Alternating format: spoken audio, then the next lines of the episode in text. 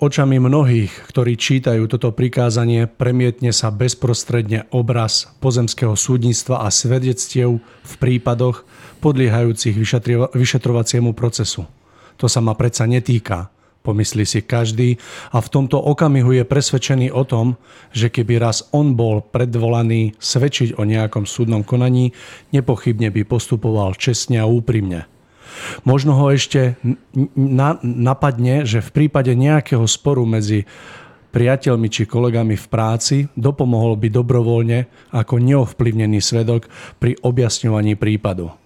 Tým sa považuje za čestného a ideálneho občana štátu a domnieva sa, že ani proti 8. prikázaniu sa ničím neprehrešil.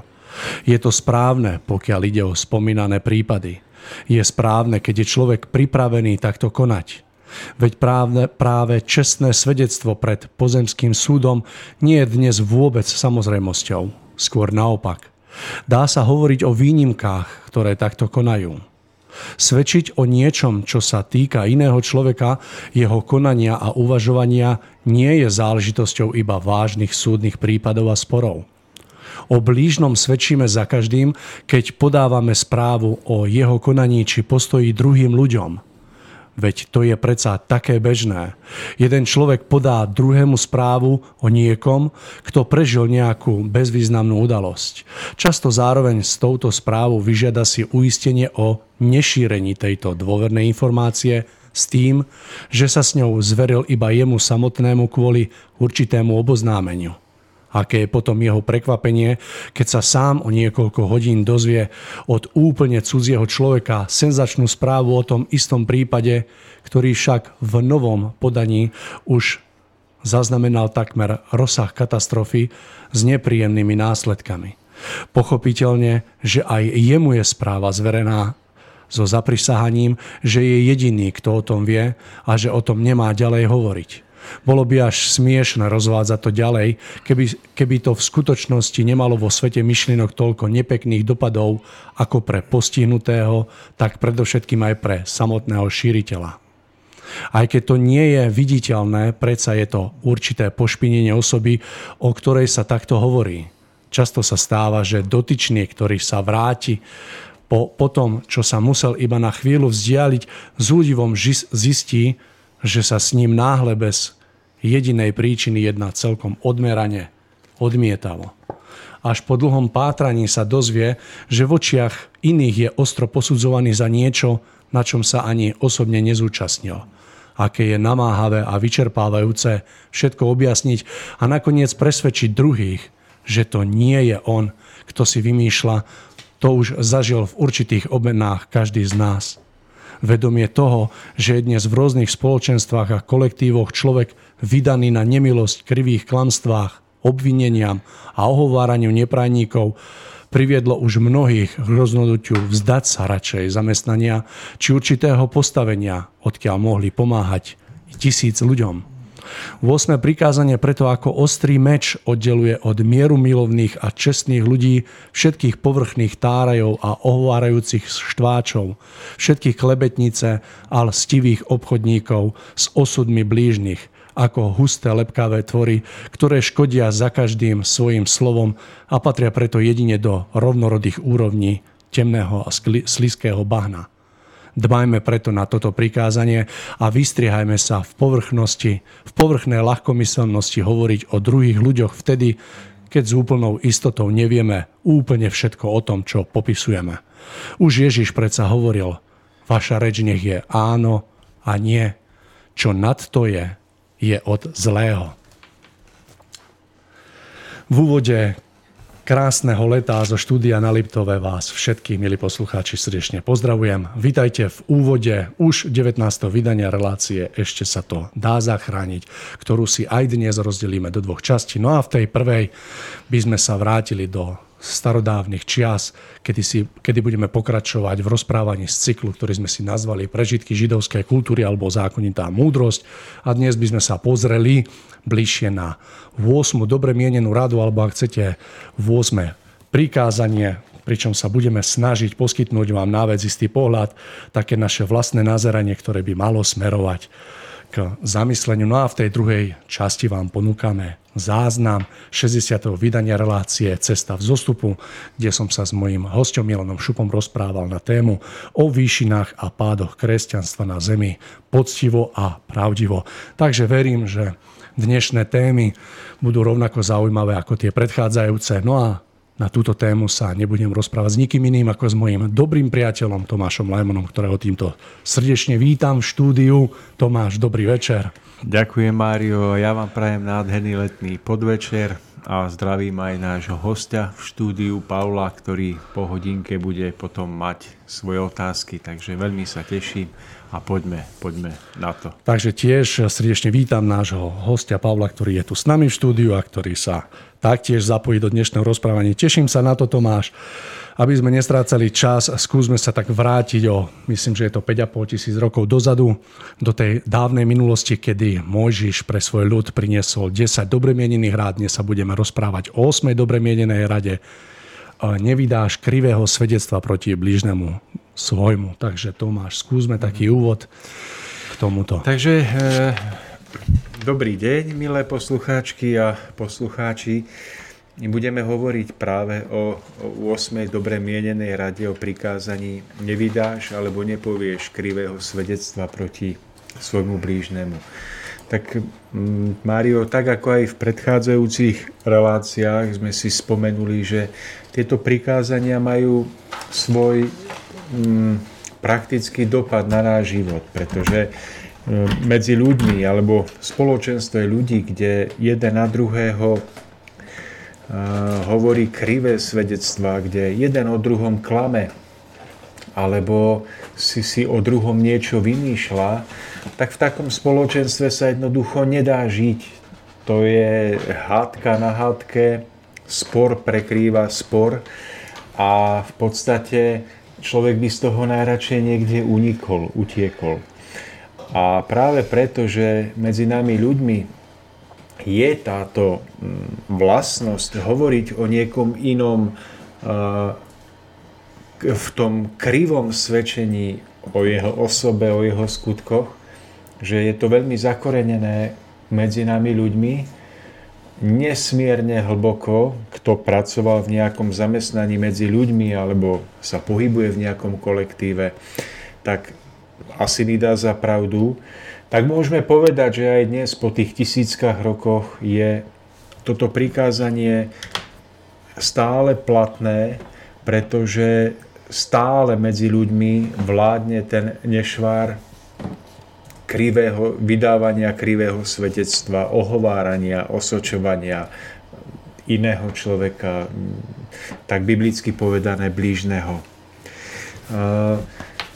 Mário, kto asi prežil alebo pocítil tú, tú nepríjemnosť, keď ho niekto očierni v očiach iného, tak ten si najlepšie uvedomuje váhu tohto prikázania. Ja by som bol ale veľmi rád, keby sme v úvode tejto našej úvahy si položili otázku, že čo je vlastne príčinou toho, že človek má potrebu o niekom krivo svedčiť. Hovoriť o niekom tak, že ho postaví do zlého svetla. Neviem, Mario, vy ste o tom premýšľali niekedy? Lebo asi, asi súhlasíte, že nestačí iba povedať, nepovieš krivé svedectvo. Ale prečo keď táto vieme, pohnutka že, vzniká? Že z čoho pramení táto pohnutka? Že ona z niečoho pramení a o tom sa v tých bežných teologických výkladoch hovorí veľmi málo. Toto je veľmi správne zamyslenie, pretože nie len prestúpenie daného prikázania, ale porozprávať sa troška hlbšie práve o tej pohnutke, o ktorej rozprávame. Tomáš, neviem, možno je to o tom, že človek, keď rozpráva o niekom inom nejako krivo, tak zrejme je tam ten úmysel, že, že chce toho človeka nejakým spôsobom poškodiť a neviem, možno vyzdvihnúť troška samého seba. Uh, áno, tak má to, má to viac príčin. Jedna z tých veľmi častých je, je ukrytá v tom, že človek pošpinením niekoho očakáva nejaké vlastné výhody. To znamená, buď sú to výhody, ktoré by mohli byť materiálneho druhu, že pošpinením niekoho získate nejaký obchod. Jednoducho očiernite niekoho, jeho prácu, jeho e, kvalitu jeho práce a očakávate od toho, dajme tomu, vyšší zisk pre seba alebo pre svoju firmu. Ehm, tých príkladov by sme mohli uviezť mnoho, ale skutočne za mnohými osočovaniami, ohováraniami je ukrytý ten rozmer mm, vlastného zisku, častokrát iba, iba rídzo materiálneho zisku. Veď napríklad ja sa venujem umeleckej drevorezbe, poznám kolegov rezbárov a som sa stretol niekoľkokrát s tým, ako jeden rezbár hovorí od druhom pred, pred dajme tomu, zákazníkmi, keď si veľmi želá, aby, aby ten zákazník si kúpil nejaký výrobok práve u neho a nie u jeho, u jeho priateľa konkurenta. Takže mnohokrát to pramení jednoducho e, z takých tých sebe, sebeckých úmyslov chcieť e, zarobiť, chcieť nejaký, nejakú výhodu, nejaký profit pre svoj osobný život. To je jedna z príčin. Takže darmo, ak je niekto natoľko sebecký, že hmotný zisk považuje za najdôležitejší, tak jemu darmo poviete, že nepovieš krivé svedectvo, keď jeho chamtivosť v ňom prekrie hlas jeho svedomia a on vždy nezaváha, keď bude, keď bude čo len trochu môcť a ohovorí niekoho, aby získal niečo pre seba. Takže tu si môžeme veľmi jednoznačne a opravdivo povedať, že kto prekračuje, prestupuje toto prikázanie kvôli tomu, aby niečo získal, napríklad na tej hmotnej rovine, tak on sám si musí vysporiadať ten rebríček hodnôt a priorít a uvedomiť si, do akej miery má pre neho zmysel kvôli peniazom alebo kvôli hmotným výhodám zapredávať svoj charakter, svoju osobu, svoju sebaúctu. Pokiaľ toto nevyrieši tento, tento druh človeka, tak e, akékoľvek rečnenie o tomto prikázaní je pre neho úplne zbytočné, pretože opakujem ešte raz, ale väčšina týchto ľudí nás samozrejme počúvať nebude, ale v tom je ukrytá tá podstata. Dokázať si uvedomiť, že materiálny zisk, zárobok, mm, Skrátka nejaká materiálna výhoda sa nedá svojou hodnotou porovnať so zachovaním svojej dôstojnosti, svojej cti, toho, toho pocitu, že konám tak, aby som iným neubližoval len preto, aby mne bolo dobre.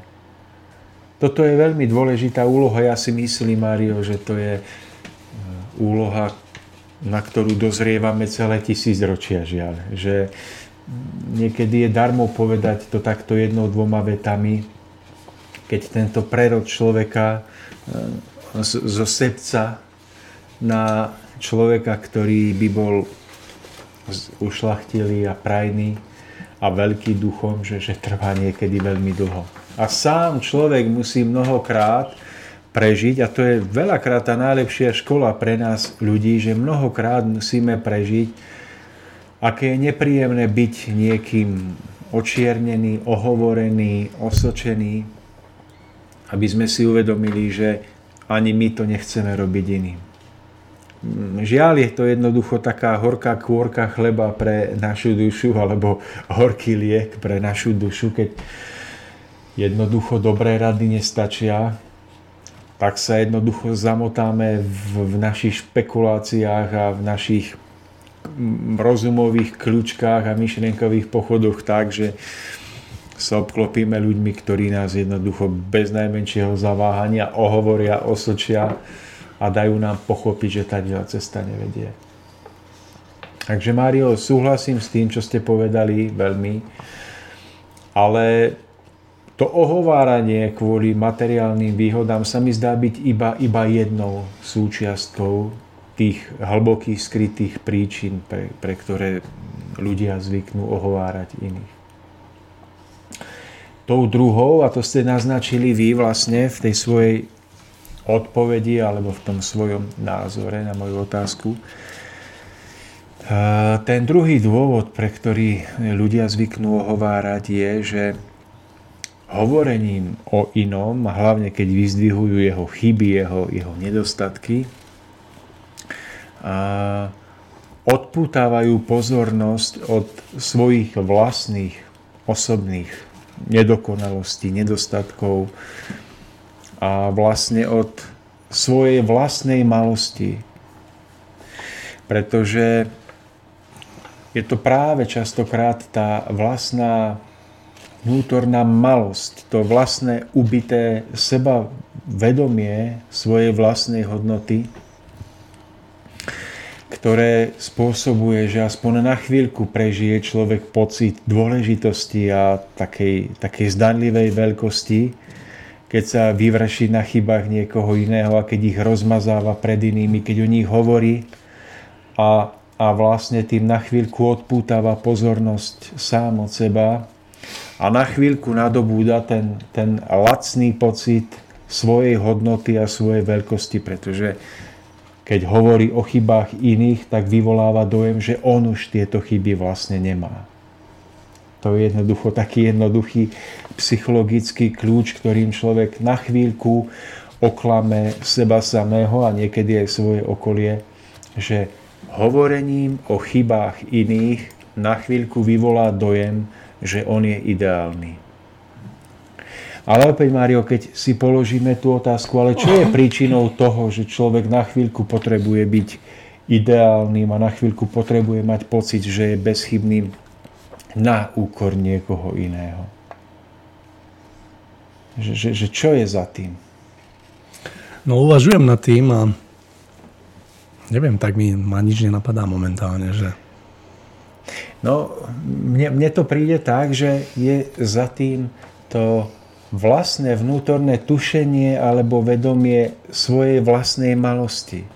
Je to skrátka strata vlastnej sebaúcty alebo zdravého sebavedomia, ktorá nahlodáva človeka, ktorá niekde v hĺbke človeka žije a ktorá potom sa chce prejaviť vlastne takoutou tým chvíľkovým zábleskom veľkosti. Je to vlastné, malé, ubité sebavedomie človeka,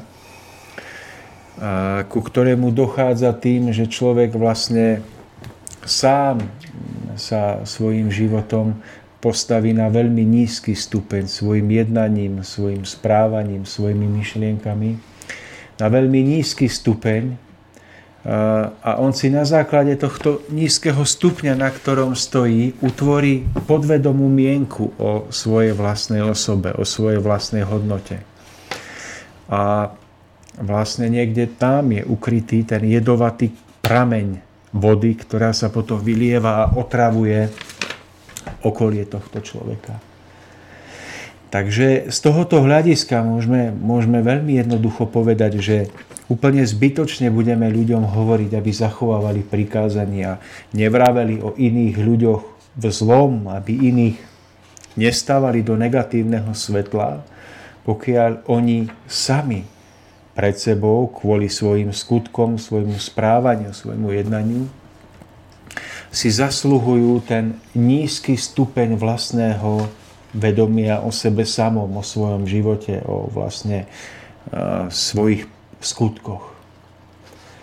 A preto opäť je potrebné zamieriť na tú pomyselnú hlbinu ducha, vojsť dovnútra a dopomôcť k pochopeniu, že ak človek žije spôsobom, kedy kvôli tomu, že sa naozaj snaží žiť opravdivo, že sa snaží žiť pre iných, že dajme tomu v maličkostiach sa snaží byť nápomocný iným, tak takýto človek si svojimi takýmito dobrými, nenápadnými, užitočnými skutkami zabezpečí čo?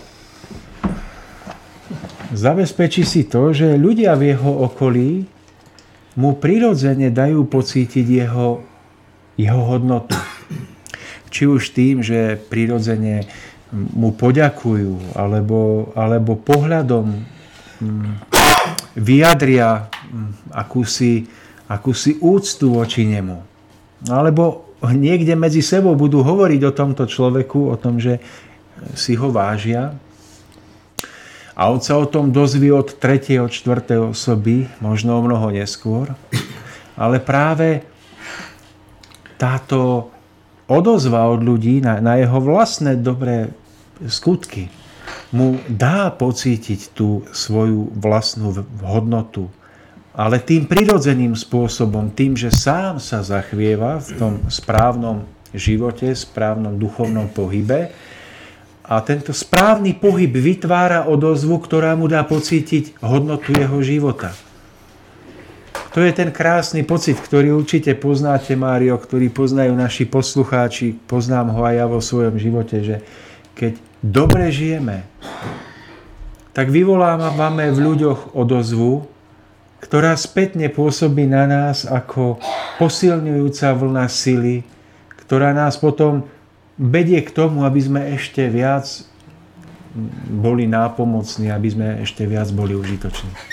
Ale opakujem, kde chýba táto spätná odozva hodnoty nášho života, kde chýba to vlastné vedomie toho, že, že náš život má hodnotu, má zmysel, tak tam je potreba ho dodávať zvonku umelým spôsobom. A práve to je tá jednoduchá skratka, ku ktorej sa ľudia uchyľujú v zamestnaní medzi tzv.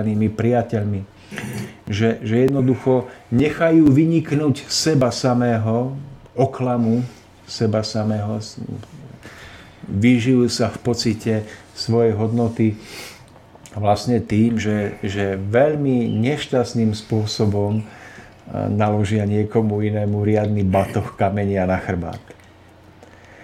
Takže toto sú také tie, myslím si, že veľmi skryté, hlboké príčiny, tohto prikázania.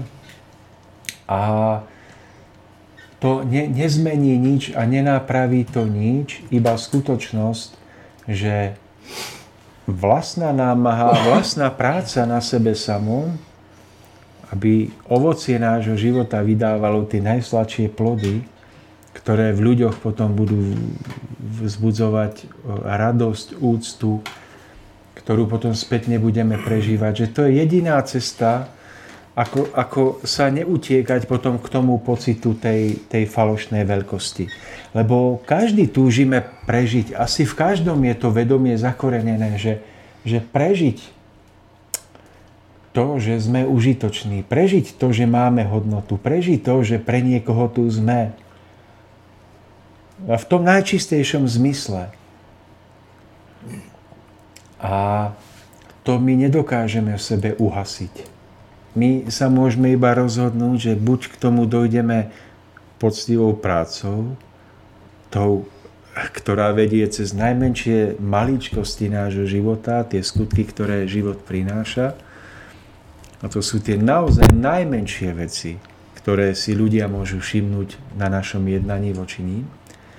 Alebo potom tú nevyhnutnú potrebu po prežití akéhosi povznesenia uplatníme tým takým skratkovitým spôsobom, že jednoducho seba vyvýšime na úkor iného ohováraním, osočovaním. Tak e, ešte by som veľmi rád pripomenul takú životnú múdrosť alebo skúsenosť, o ktorej nevieme, že platí. A táto múdrosť hovorí, že keď hovoríme o iných najviac, hovoríme pritom o kom? Sami o sebe, Mário. Sami o sebe, presne tak. Že múdry človek, keď počúva niekoho iného, ako sa stiažuje na iných ľudí, tak si uvedomuje, že, že tento stiažujúci sa človek hovorí predovšetkým o sebe samom, o svojej vlastnej zrelosti, alebo lepšie povedané, nepochopení života, o svojej nezrelosti. A zatiaľ, čo, čo človek, ktorý sa snaží hovoriť v pozitívach a snaží sa v druhých ľuďoch hľadať predovšetkým kladné stránky ich, ich povahy, tak zase hovorí o svojej vlastnej hodnote a veľkosti, pretože iba veľký človek dokáže v iných ľuďoch hľadať klady a dokáže na nich stavať. Samozrejme, že môžeme si položiť otázku, takú možno až filozofickú, že e, kedy môžeme a kedy nemôžeme hovoriť o chybách iného, pretože jednoducho sú prípady, kedy sa nám zdá, že by sme mali hovoriť o chybách iného, ak, ak ak tým môžeme zabrániť tomu, aby sa následky týchto chyb ďalej nešírili? Alebo že kde je tá hranica? Neviem, Mario, premyšľali ste niekedy o tom? Premýšľal som nad tým a stále ako keby e, mám túto otázku otvorenú a počas toho svojho vlastného života a na základe nových a nových skúseností sa to ako keby tak pohybuje, že kde je tá taká tá hranica, kedy to už je, kedy to už nie je. Myslím si, myslím si, že hovoriť o druhom človeku aj troška o tých negatívnych veciach je možné vtedy, pokiaľ celkovým úmyslom toho rozhovoru alebo danej tej chvíle je pomôcť tomu druhému. Že ako keby keď sa mu snažíme pomôcť, tak v rámci toho rozhovoru je možné prebrať isté veci, ktoré za možno za iných okolností, keby sme len tak frkli, vytrhnuté z kontextu, tak si myslím, že tam v tom prípade by to mohlo byť také priechodné. Tak mne sa zdá, že ste trafili klinec po lavičke kvôli tomu, že, že toto isté som chcel povedať aj ja. Pretože um, tam ani tak nie je rozhodujúce to, či vravíme alebo nevravíme o, o chybách iného, ale tým najrozhodujúcejším prvkom je úmysel. Totiž sú skutočne situácie v živote, kedy niekto napríklad um, má problém s tým, že kradne Vie sa o ňom, že kedykoľvek ho necháte niekde v, v miestnosti samého, tak ukradne, alebo... Hm. A tak sú situácie, kedy je prirodzené, že iných ľudí, pokiaľ majú byť v kontakte s takýmto človekom, tak môžete prirodzene varovať a naznačiť im, že dávajte si pozor, alebo jednoducho citlivo naznačíte, aby títo ľudia boli opatrní a bdeli.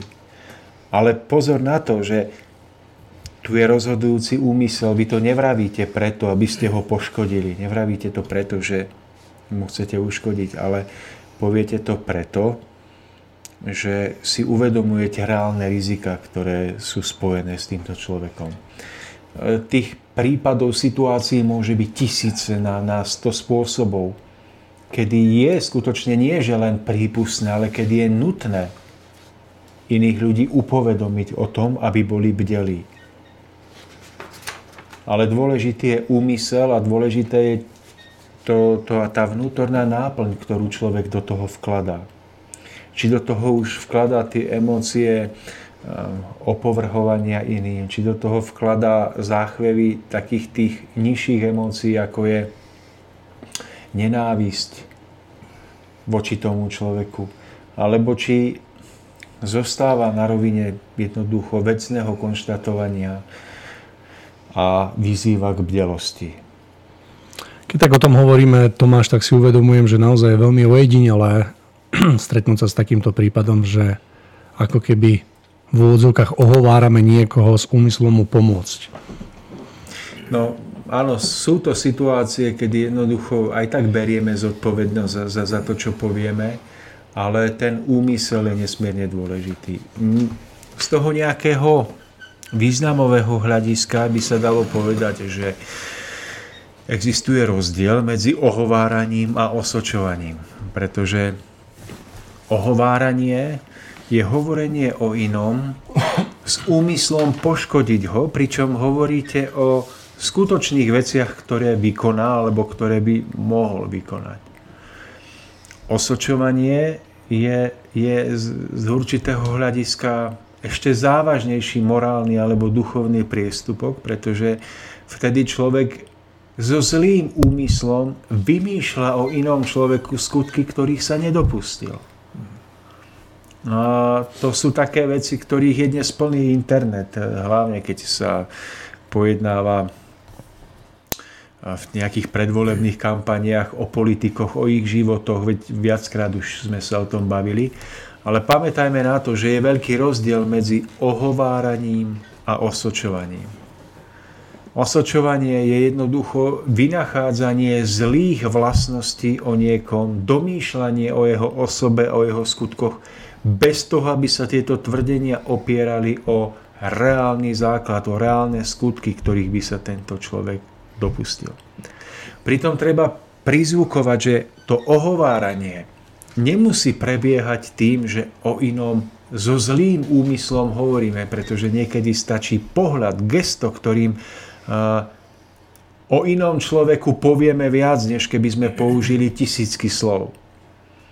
Opovržlivý pohľad, ktorý dá tušiť viac než akákoľvek zákerná veta. A z tohto hľadiska môžeme bez najmenšieho zaváhania povedať, že, že náš jazyk je út tela, ktorý kosti nemá, ale kosti láme. Pretože hm, ukrivdenú alebo ubitú povesť človeka je možné len veľmi ťažko napraviť. A môžete vidieť, Mário, že vlastne prikázanie nevydáš krivé svedectvo a nezabiješ, vychádzajú z jedného základu, pretože aj pri nezabiješ sme si vraveli, že je možné zabiť čest, dobré meno. Minulosť človeka tým, že ju pošpiníme, a môžeme vidieť, že toto isté sa dá učiniť práve prestúpením 8. prikázania. Ako by sa zdalo, že prapodstatou každého prikázania je jedna a tá istá podstata veci, len sa prejavuje v našom živote v tých, dajme tomu, desiatich rôznych obmenách. Ale že prapodstatou je niečo veľmi podobné. Takže pamätajme na to, že jazyk kosti nemá, ale kosti láme.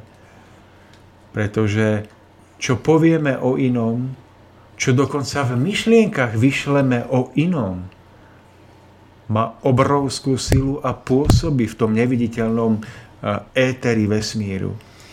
Veď si zoberte, Mário, že my sa nazdávame, že rozhodujúce pred zákonmi, pred našimi vzťahmi je to, čo povieme našimi ústami nahlas. Ale pred tými vyššími zákonmi je rozhodujúce aj to, čo povieme vo svojich myšlienkach. Čo nevyslovíme priamo fyzicky, hmotne, čo neodartikulujeme našimi slovami, ale čo vyžiaríme, vyšleme podobe nevyslovených slov v našich myšlienkach. Neviem, či to poznáte, ale my možno väčšiu časť toho, čo hovoríme, vysielame našimi myšlienkami rôzne komunikácie, rôzne názory na iných. Odkrýva sa pred, pred nami Tomáš presne ten rozmer ako pri dobre mienenej rade nezabiješ, kedy ako keby tá jemnohmotná vražda teraz, teda zabitie napríklad takej povesti alebo cti človeka je ďaleko horšia ako, ako vražda hrubohmotná, teda taká fyzická. Tak je to presne aj v tomto prípade, že že tá neviditeľná, nám neviditeľná rovina má ďaleko siahlejšie následky, ako keby ako tá viditeľná rovina. Je to čo, tak? Čo namyslíte na druhého, ako obmyslíte iného myšlienkami, kedy ho postavíte buď do, do prajného pozitívneho obrazu svetla, alebo do negatívneho, kedy ho obmyslíte skutkami, ktoré ani nevykonal a obviníte ho vnútornou energiou za to, tak to je už iba krôčik k tomu, aby sa to stalo aj, aj hmotne. Možno, že cez ústa niekoho iného, ale tá energia, ktorá cez nás prechádzala, sa jednoducho nestratí. Ani tá naplnená energia radosti, priania, lásky, harmónie, ktorá lieči všetkých, má úžasnú liečivú moc. A potom rovnako, ako sa nestratí ani tá, ktorá bola zakalená nízkosťou. A to, že vysielame k iným podporné prúdy, spoznáme podľa toho, že nás samotných zalieva bez ohľadu na to, čo títo ľudia vykonali, nás pri správnom postoji k týmto ľuďom zalieva v okamihu prítomnosti šťastie, radosť, liečivá sila. Ona lieči normálne v okamihu prítomnosti dušu, myšlienky aj telo. Ona má úžasnú moc. A toto je treba prežiť, tohoto je treba sa dotknúť prežitím. a vyhľadávať tento stav prežitia. A opakujem, aby sme toto prežívali voči inému, on nemusí byť dokonalý alebo bezchybný. To nie je o inom človeku, to je o našom rozhodnutí pracovať s touto silou a nezakalovať ju. Nechať ju pôsobiť a liečiť a ona pomôže narovnať sa inému človeku práve v tom, v čom on ešte je trošku pokrútený, alebo viac pokrútený. Každý sme pokrútení trochu, alebo možno, že aj viac. Takže toto je potrebné si prežiť a toto, keď človek prežije, tak nakoniec sa to prejaví v tom, že aj jeho slova o iných ľuďoch budú nakoniec pretknuté touto liečivou silou a budú podporovať, budú prinášať radosť. A to je tá práva cesta. Počúval som Mariana Kufu, takého známeho katolického kniaza, ktorý má v Žiakovciach na východe Slovenska komunitu bezdomovcov, vlastne asociálov, alkoholikov, narkomanov, prostitútov a pr- prostitútiek a pomáha im zo zeme na kolená.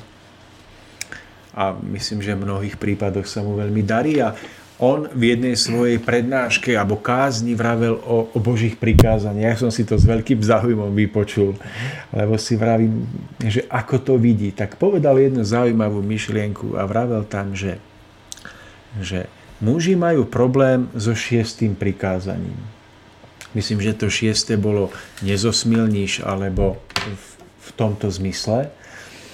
A, a oni tam že práve ženy majú problém s týmto, a že s tým šiestým majú problém muži, a že práve ženy majú častokrát problém s tým 8. Nevydáš krivé svedectvo, pretože na dedinách sa traduje, že práve ženy tým mnohým rečnením tam ako popred domy a tak ďalej, že veľa toho napradú. A že tak ako práve muži musia zabrať v tom šiestom prikázaní, tak musia ženy nesmierne zabrať v tom 8. Ja si myslím, že to platí aj to 6. aj to 8. rovnako tak na mužov ako aj na ženy.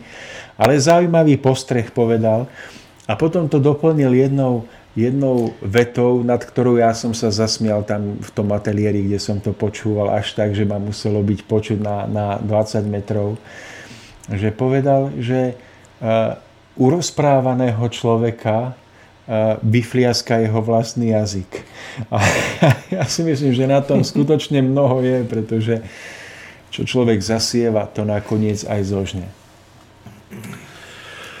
No, pravdou ostáva, aspoň mne sa to tak javí, že naozaj kolo práve tohto prikázania alebo tejto dobrej mienenej rady prechádzame troška tak, tak ako keby povrchne a mlátime na každú stranu, zľava, správa. Možno by bolo lepšie naozaj sa vyvarovať, rozprávať o niekom krivo alebo v jeho neprítomnosti a je to veľká výzva pre nás, pre ľudí, naozaj sa v tomto to, pohnúť ďalej. A... Je to taká výzva o pravdivosti. Totiž ja som si prežil veľakrát v živote, že takú tú faloš tomto smere nazývame diplomáciou. Že skrátka je to, je, tak, je to taká jednoduchá cesta, ako byť s každým za dobré. No a tak keď má niekto o inom názor negatívny, tak budete zdieľať negatívny názor aj vy a pridáte nejaké to polienko do pahreby. No a keď väčšina má pozitívny názor, tak si poviete, nebudem trhať partiu a budem mať pozitívny názor a ja, tak sa zase pridáte a a pridáte to polienko do dobrého a že v tomto modeli fungujú miliardy ľudí. Ja som pracoval v zamestnaniach rôznych a tam to bolo ako na bežiacom páse. Keď sa vravelo o niekom, kto tam nebol a práve bola nálada hovoriť o ňom zlom, tak práve títo títo prispôsobiví diplomáti sa prispôsobili a jednoducho ohovárali jedna radosť. A keď ten dotyčný náhle prišiel, tak sa to zvrtlo, náhle bola dobrá nálada, náhle bol dobrý, vravelo sa o pozitívnych veciach. A tak sa mi zdá, že je to jednoducho nešvar, ktorý, ktorý v podstate je svojím spôsobom odporný.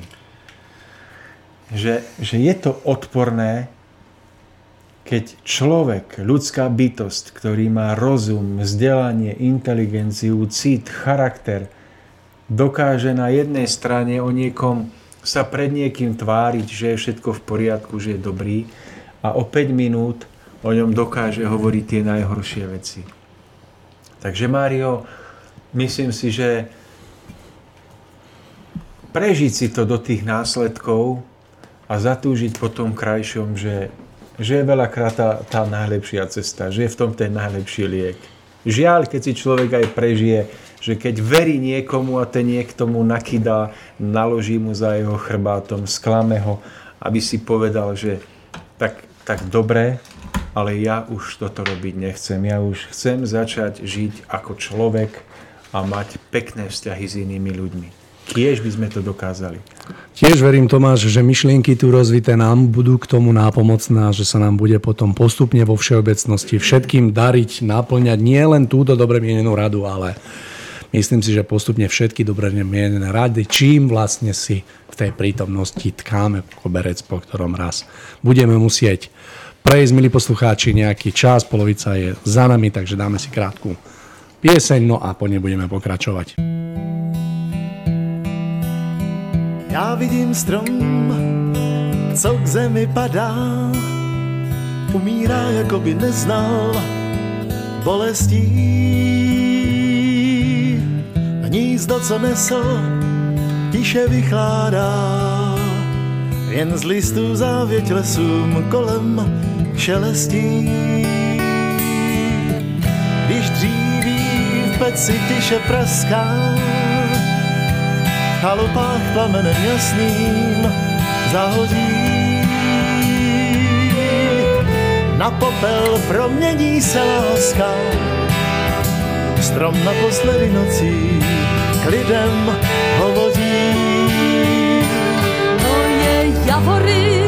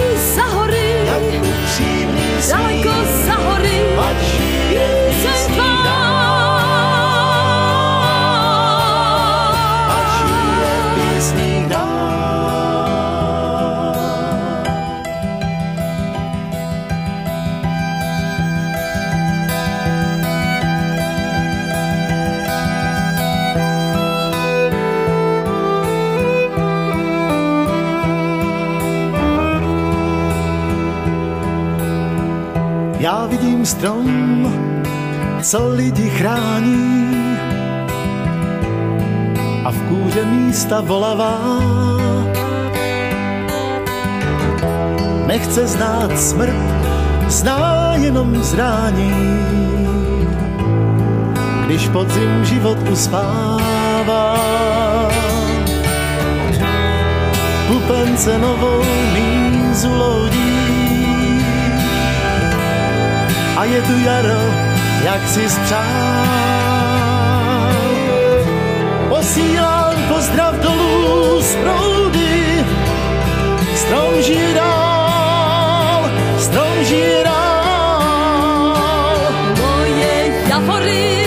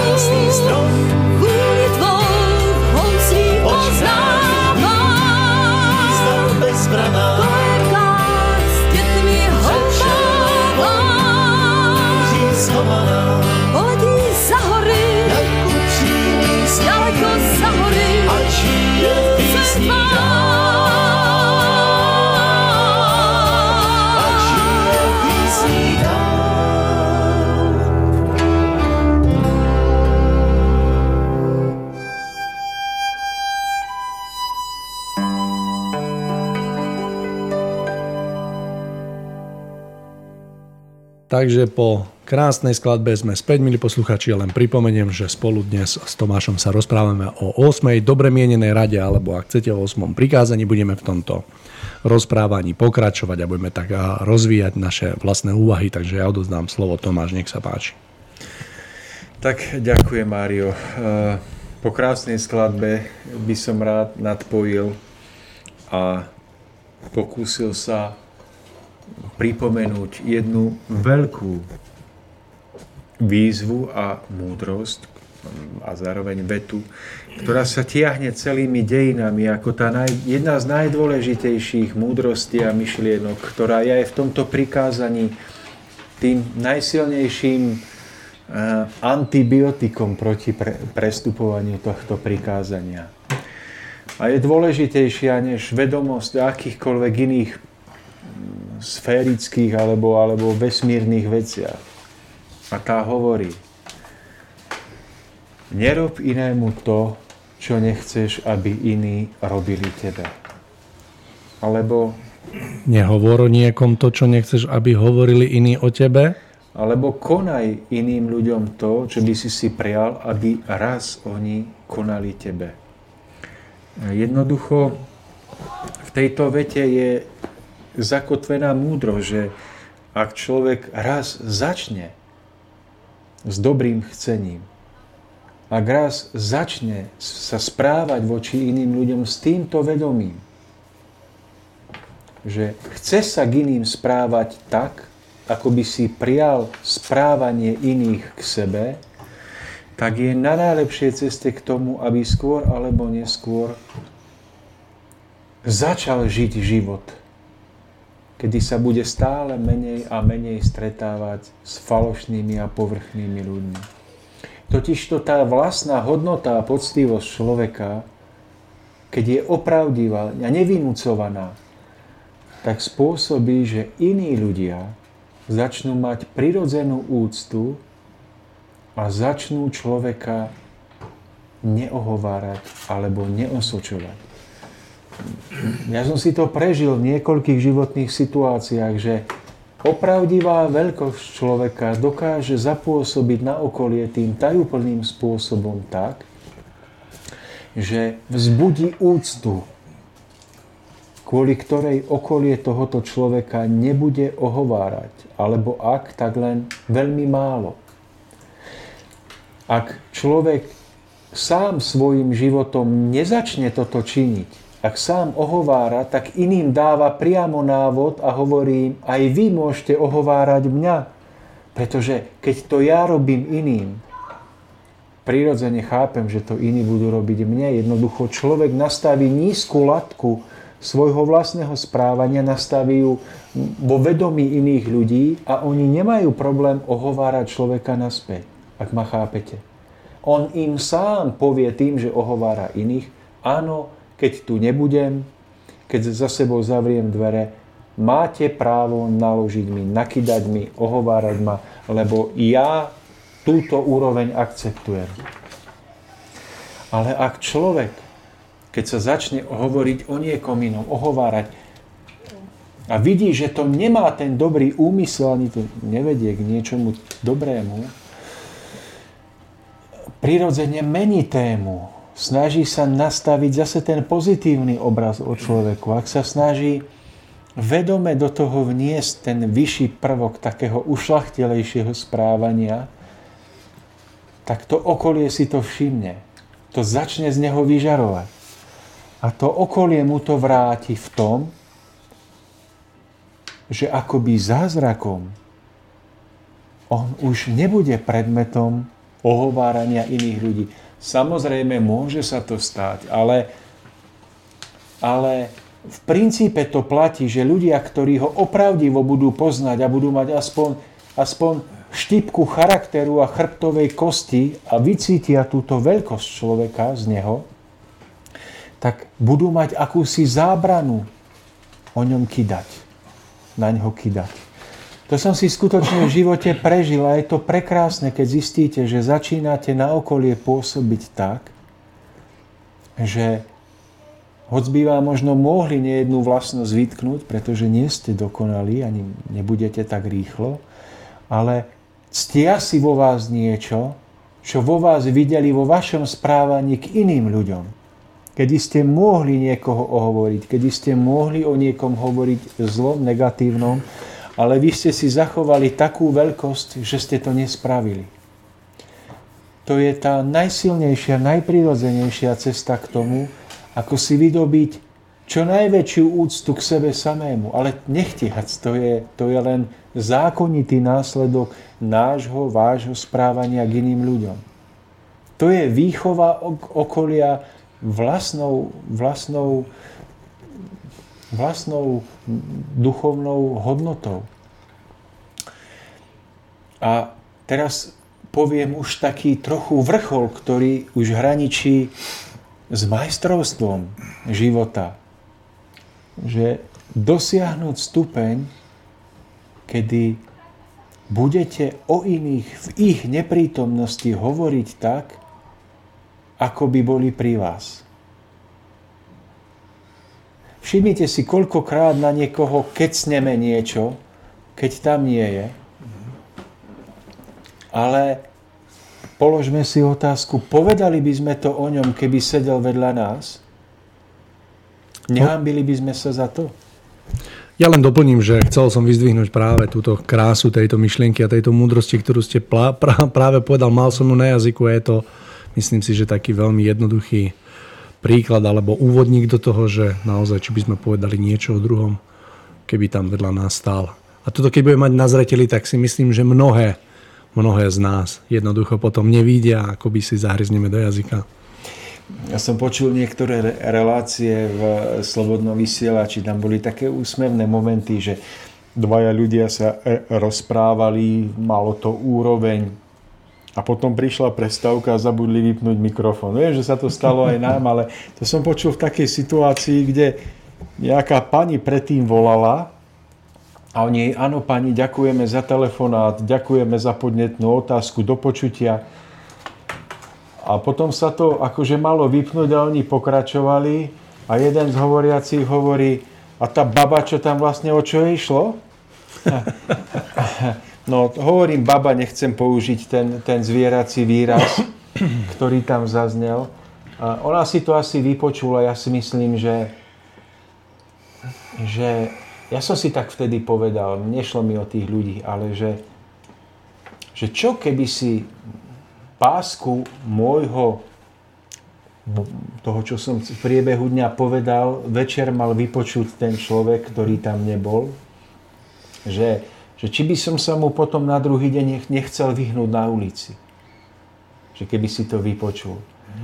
Ja si myslím, že keby tú pásku si skutočne vypočul ten blížny, o ktorom hovoríme, tak sa nazdávam, že by sme sa mu najradšej vyhli, že my by sme asi chodili iba v noci po uliciach, pretože málo kedy o iných hovoríme tak, ako by sme im to dokázali povedať úprimne do ich očí. To je ale nesmierne ťažké. To mi pripadá byť, že to, je, že to hraničí s majstrovstvom života. Ale možno tam niekde by sme mali smerovať aj keď to nepôjde možno tak ľahko, lebo máme svoje návyky, ale pokúsiť sa toto mať pred očami. Takže to chcem tým všetkým povedať, že naša vlastná ukáznenosť ukázni iných. Naša vlastná úcta, ktorú prejavujeme rozprávaním o iných, spôsobí, že tí, ktorí nás budú počuť, budú hovoriť s väčšou úctou o nás. V tom je zákon života, v tom je zákon psychológie, v tom zákon hm, prí, prírody. A každý ste si to prežili v nejakej obmene. Nie je väčšej radosti, ako keď na vás ľudia, keď na nás začnú pohliadať ako na ľudí, ktorých si smú úprimne ctiť a vážiť, pretože napríklad v tomto bode Božích prikázaní stojíme opravdivo. Nazdávam sa, že toto všetko je veľmi úzko spojené s pojmom čistota. Duševná, duchovná čistota. My v náboženských kruhoch alebo v teológii, keď počujete ľudí hovoriť, tak máme pojem, že čistota sa týka čistoty tela, nedotknutosti v tom zmysle pohlavnej čistoty. Ale nazdávam sa, že ten pojem čistota je o mnoho hlbší a týka sa úmyslov nášho jednania. Týka sa našich myšlienok, nech už myslíme na čokoľvek. Že čisté myslenie je vtedy, keď o všetkom zmýšľame s hľadaním východiska, s prajnosťou vnútri. Hm, s tým, aby ten, na koho myslíme, nebol obťažkaný našou nízkosťou, negativitou, zlobou, dotknutosťou, ale aby bol dotknutý lúčom svetla. A že tá čistota pohlavná je len malou časťou, aj keď významnou, ale malou časťou toho veľkého pojmu čistota ducha, čistota duše. A nazdávam sa, že k tomu, aby človek toto 8 prikázania správne žil a naplňal, potrebuje nájsť práve túto čistotu a potrebuje ten čistý úmysel o živote sebe znovu zrodiť. Lebo aj to hovorenie o inom v tom dobrom je tiež iba odlesk celkového vnímania, uchopenia života ako takého. Že nedá sa mať o živote negatívny zmysel na všetko iba, iba sa stiažovať a chcieť o niekom hovoriť v dobrom. Že aj to hovoriť o niekom v rámci možnosti opravdivo, hľadať jeho dobré stránky, je iba následkom alebo prejavom celkového nastavenia človeka vo svojom srdci, vo svojom vnútri. Preto keď sme vraveli v jednej z našich relácií, Mário, v blahoslavenstvách o blahoslavení čistého srdca, budeme o tom ešte hovoriť, asi aj, aj na rádiu Bohemia, tak, tak to patrí do toho, že kto je, kto je čistého srdca, kto toto blahoslavenstvo naplňa, tak ten vždy bude o iných hľadať pozitívny obraz. Nenechá sa omotať pocitmi, nízk, tými nízkymi pocitmi, ktoré vidia iba negatíva v človeku, ale bude hľadať pozitívny obraz. A to je ten, kto potom splní to blahoslavenstvo, že blahoslavený čistého srdca, lebo oni uvidia stvoriteľa v jeho dielach.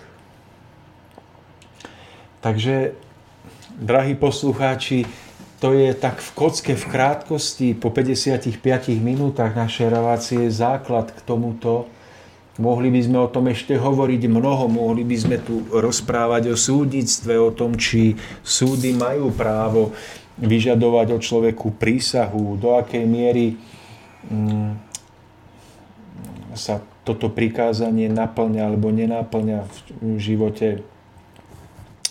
Keď svedčíme na súde o niekom človeku, či máme hovoriť pravdivo, hoci ho poškodíme, alebo máme prikrášľovať, aby sme boli...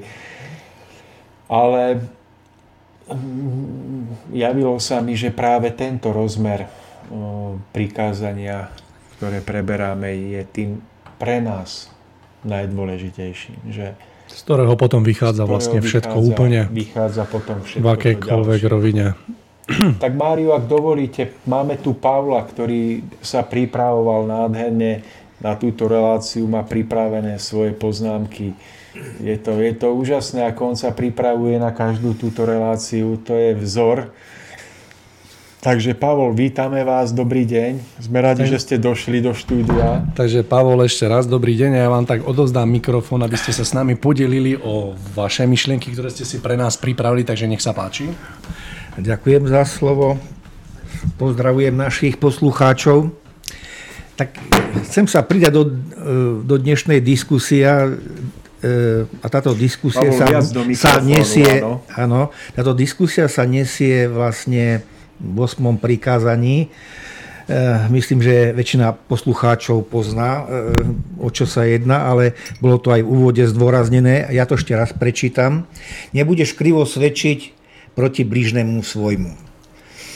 No ozaj, toto prikázanie, alebo inak e, dobrej mienená rada, má vo svojom pôsobení veľký rozmer. E, dá sa tu, dá sa tu vtesnať veľa, veľa postrehov.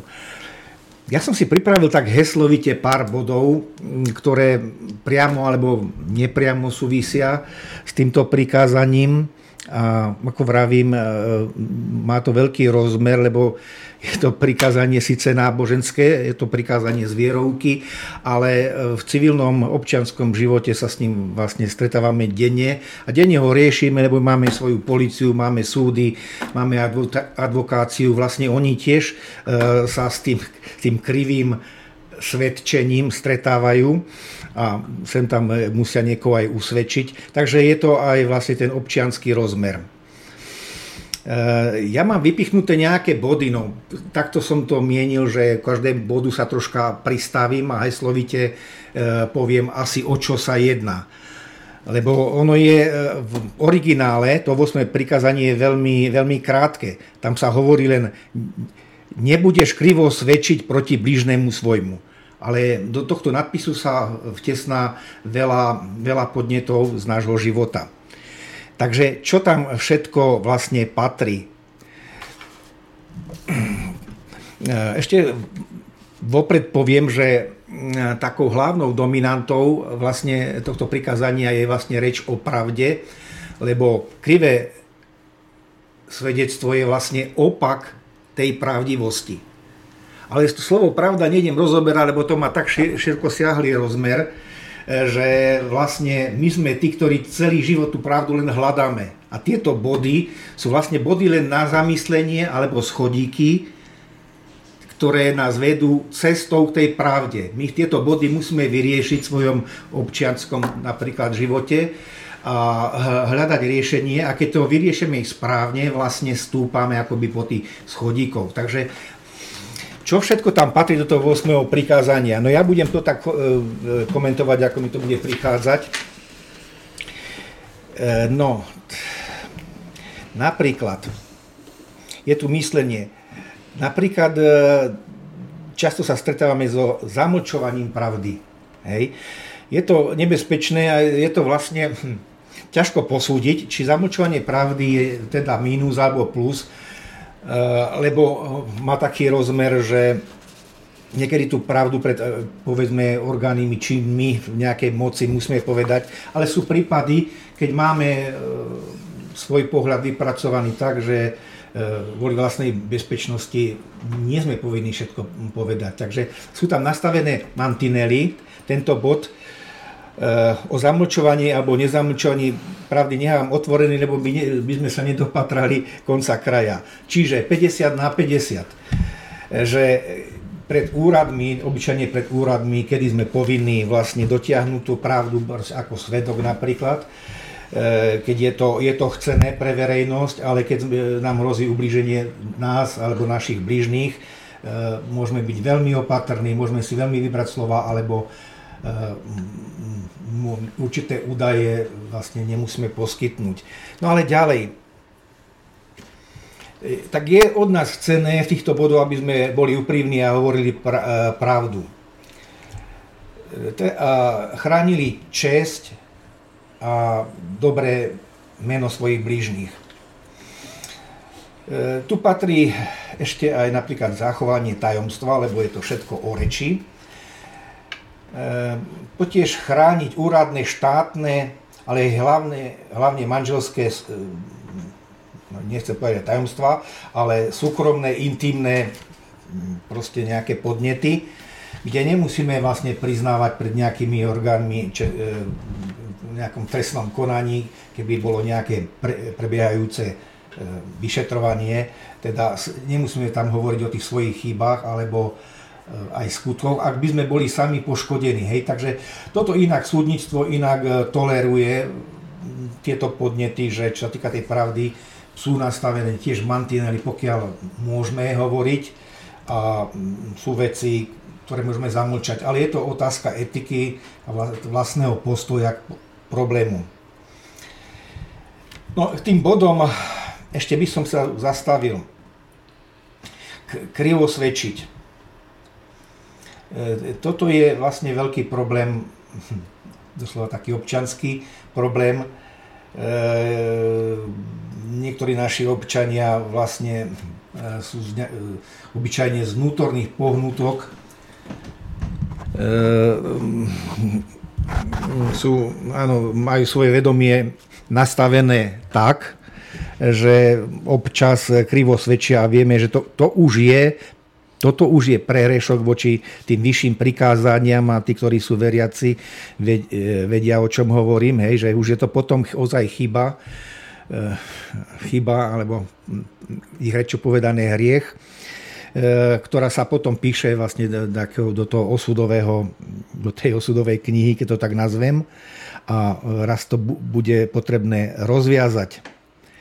Potom je e, ešte, čo sa týka tej reči a pravdy, je to tak, bolo aj o tom hovorené, Tomáš o tom spomínal, je to otázka cti a e, teda prípadná strata e, e, čestnosti alebo obranie o niekoho o česť. Sú to veľmi nepríjemné veci a hovorím, je to mínus, fakt je to chyba, je to, je to mm, porušenie tých vyšších zákonov, ktoré bude tiež nejak, nejako treba odpracovať. Lebo ak oberieme napríklad, mal by som hovoriť nejakých príkladoch, napríklad je niekto uctievaný, je morálna, tajme tomu autorita, poviem príklad, vysokoškolský profesor, ktorý už niečo pre štát urobil, vychoval už celú plejadu svojich študentov a teraz si niekto zmyslí, alebo mal proste s ním nejaký spor, nejaký poviem taký priemerný občan a snaží sa práve zareaguje na to, že je vysoko vážený, ten profesor sa snaží obrať o tú čest nejakým, nejakým zlým zážitkom alebo ja neviem čo, nejakou príhodou a prípadne, že sa to podarí a oberie ho o túto česť. Tak to sú všetko potom také chyby, vlastne, ktoré sa nám do, píše, píšu do tých osudových vlákien. No, tam patrí samozrejme ohováranie, zase mínus. Hej ohováranie svojho blížneho. Ja by som si tu trocha zacitoval, lebo to, toto je dosť e, taká otázka, alebo podnet, ktorý je veľmi bežný medzi nami, lebo ohováranie to je vlastne otázka posudzovania. A bolo to aj hovorené už dneska, že nemáme súdiť iného cez svoj vlastný pohľad. Dovolím si zacitovať aj niečo z písma. Nesúďte, aby ste neboli súdení, lebo akým súdom súdite iných, takým aj vám namerajú. Alebo iný. Prečo vidíš smietku v oku svojho brata, kým brvno vo vlastnom oku nevidíš? Hej? Matúš 1.7 pomočka 4 vlastne už vidíme, že už v tých biblických textoch je upozorňované e, vlastne ľudstvo, a, toto sú boli citáty z Nového zákona, že e, čomu sa máme vyhýbať. E, a teraz otázka, že prečo sa máme tomu vyhýbať. Viete, všetko je o tom v zostupe. My sme tu vlastne preto na tej zemi, aby mimo iného sme urobili aj kus dobrej práce samozrejme, ale urobili ten vývoj. A dám tam slovíčko duchovný vývoj. Čiže sa stráni týchto nepríjemností, týchto, mm, nechcem povedať, že nepríjemnosti len, ale aj sú to body, ktoré nás vlastne zdržujú, zdržujú v tom vývoji. Tu ešte patria také veci, ako je e, potupovanie, to by sa dali e, z denodenných e, pohľadov nájsť príklady, ale nechcem sa zdržovať. E, poviem ešte udávactvo, to je tiež vlastne opak tej pravdy, že vlastne máme zlú myšlienku a niekoho, niekoho, niekoho nemáme moc v láske a hľadáme na ňom chybu a ideme ho udať. Takže toto sú zase mínusy, ktoré vlastne e, nás držiavajú E, no, ešte tam treba u toho udávactva, ak ešte budeme rozobrať tú otázku, ak, moju, ak moji e, spolubesudujúci ešte budú tomu hovoriť, že to udávactvo hodne súvisí s korupciou. Hej? lebo bývajú aj podnety na odhálenie korupcie. Hej. Je to taká dneska moderná, zvlášť politická e, situácia, kde, kde sa udávajú údajne, ľudia sa udávajú navzájom údajne e, z korupcie. No, tam tiež ten postoj je veľmi vyhradený, odkiaľ pokiaľ. E, v skutočnosti korupcia je taká Ehm, aj nepríjemná, niektorú treba odhaliť. Dokonca aj e, policia dala o sebe vedieť, že bude príjmať aj na korupciu aj anonymné podnety, že sa s tým bude zaoberať. Takže je to tak 50 na 50, že pokiaľ sa týka ozaj veľkej korupcie, že niekto je poškodený, treba nahlásiť e, teda v rámci svojej bezpečnosti. Ale ja osobne by som sa až tak na to neprihováral, lebo nie každý, ja to už tak poviem, ako mi to prichodí, nie každý to má v e, tej, e, tej svojej ceste, že sa bude stretávať s ľuďmi, ktorí majú sklony robiť nečisté skutky. Hej, už teraz som hovoril o tom udávactve. Takže väčšina ľudí ako takých nemá s tým problém. Ale vravím, tieto veci sa riešia a je to nepríjemná vec. Je tam, dávam tam mínus, ale e, vravím, niekedy, čo sa týka tej korupcie, áno, viem pochopiť, že nejakú udalosť, e, krádež treba aj odhalovať. Podobne je to ešte e, k tomu osmovému prikázaniu patrí ešte anonymný list.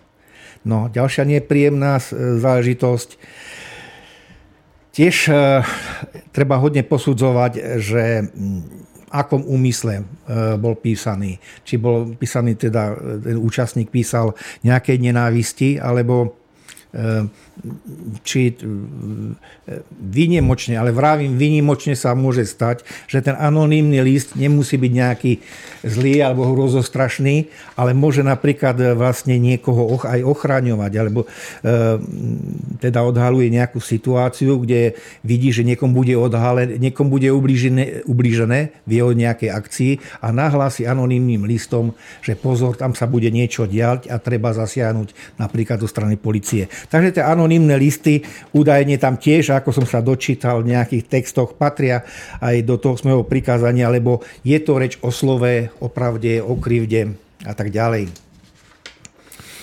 No, ja sa ešte spýtam tu z e, mojich, e, mojich kolegov, že koľko vám času, 5 minút, 10 minút, lebo aby som to, už to mám len takto skrátiť, dobre, dostávam z režie nejaké pokyny. No dobre, tak ešte, čo by som tam k tým bodom dal? Hovorili sme udavactvo, potupovanie, osočovanie, ohováranie, česť, anonymný list. E, kedy, ja tu mám ešte poznamenanú poznámku, že kedy nemusíme povedať úplnú pravdu. Ide o vtedy, keď je, sa aj rešpektuje ten súkromný život a dobro a bezpečnosť bližného, spoločné dobro a tak ďalej. Ostatné body nejdem už rozoberať, ale záverom som povedal, že dám nejaký podnet, podnet na podnet nejakým príkladom, aby sme nejako mohli do toho zasiahnuť, ale e, či sa ten dotyčný v tom príbehu zachoval správne alebo nie. Vypočul som si jeden príbeh, bolo to už dávno a stalo sa to môjmu blíz, blízkému, respektíve bližnému, ktorý mi ho tak veľmi ako mm, úprimne porozprával. Hovorí, šiel som ráno do roboty. A od domu a tak, tak pás je ešte jednosmerná ulica, ráno skoro nikoho, lebo to sa chodilo, ako o 6 sa robí, takže zhruba o 5 sa chodilo z domu a pozera, vidí, že kto si pomedzi tie auta pobehuje a snaží sa otvoriť tie, tie auta, kľúčku skla, alebo tam páčil niečo. On šiel tak síce ako bokom, ale sledoval, e, ako chodí ten dotyčný, nazvíme ho nejaký E, chcel vykradnúť tú auti, tie autička, až ako to tam páčil, kľúčky a tak dostať sa. Už niekde dokonca videl tam, že tam dal ruku do auta, zase sa skryl a zase tam niečo vyťahoval. No a chvíľku to pozoroval, ale tak sa tvári, ako, že, ako keby nič, že si to nevšimá, šiel to v jedno smerko predsa len do roboty. No a potom po niekoľkých dní dotyčný ten svedok, teraz hovorím, dostal dopis e, od policie dobre, prišiel a mm, pýtali sa ho, že dostali, dostali vlastne nejaký podnet, pokyn alebo anonym, e, že videl nejakého zlodeja vykradať auta a aby povedal všetko, čo o tom vie a povedal aj jeho meno. No a, no a to je to, čo chcem povedať. On, e, ten dotyčný, ten svedok, po vlastnom uvážení sa rozhodol tak, že vypovedať nebude. Jednoducho to zahral tak, že šiel som do roboty, ale nikoho som nevidel. Nikoho som nevidel, že by sa konali tieto veci. A jednoducho nejdem vypovedať. Áno, je to teraz na pováženie, ako sa k tomu postaviť, lebo ten svedok dobre poznal to, toho mladíka, povedzme 20-ročného a je, bol veľmi, mal veľmi zlý povesť v obci, e, drobné krádeže, ja neviem, alkoholizmus, veľa, veľa, veľa podnetov. Tak vlastne e, zahral to do autu tak, že povedal nie a povedal policii. Keby som, keby som aj vedel, tak vám nepoviem, lebo neviete zaručiť moju bezpečnosť. Vy ho by ste zatkli, ja by som tam figuroval a ak mi nezaručíte toto, tak ja proste zahrávam do, do, do autu, nemôžem vám k tomu nič povedať.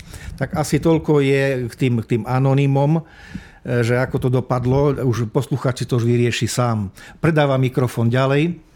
Takže Pavol, ja vám ďakujem za také, také obšírne doplnenie našich úvah, ktoré sme tu s Tomášom počas rozhovoru rozvili je krásne, ako ste vždy pekne pripravení a sa z toho veľmi teším, lebo vidím tu na stole tú prípravu vedľa mňa a pôsobí to naozaj veľmi dobre.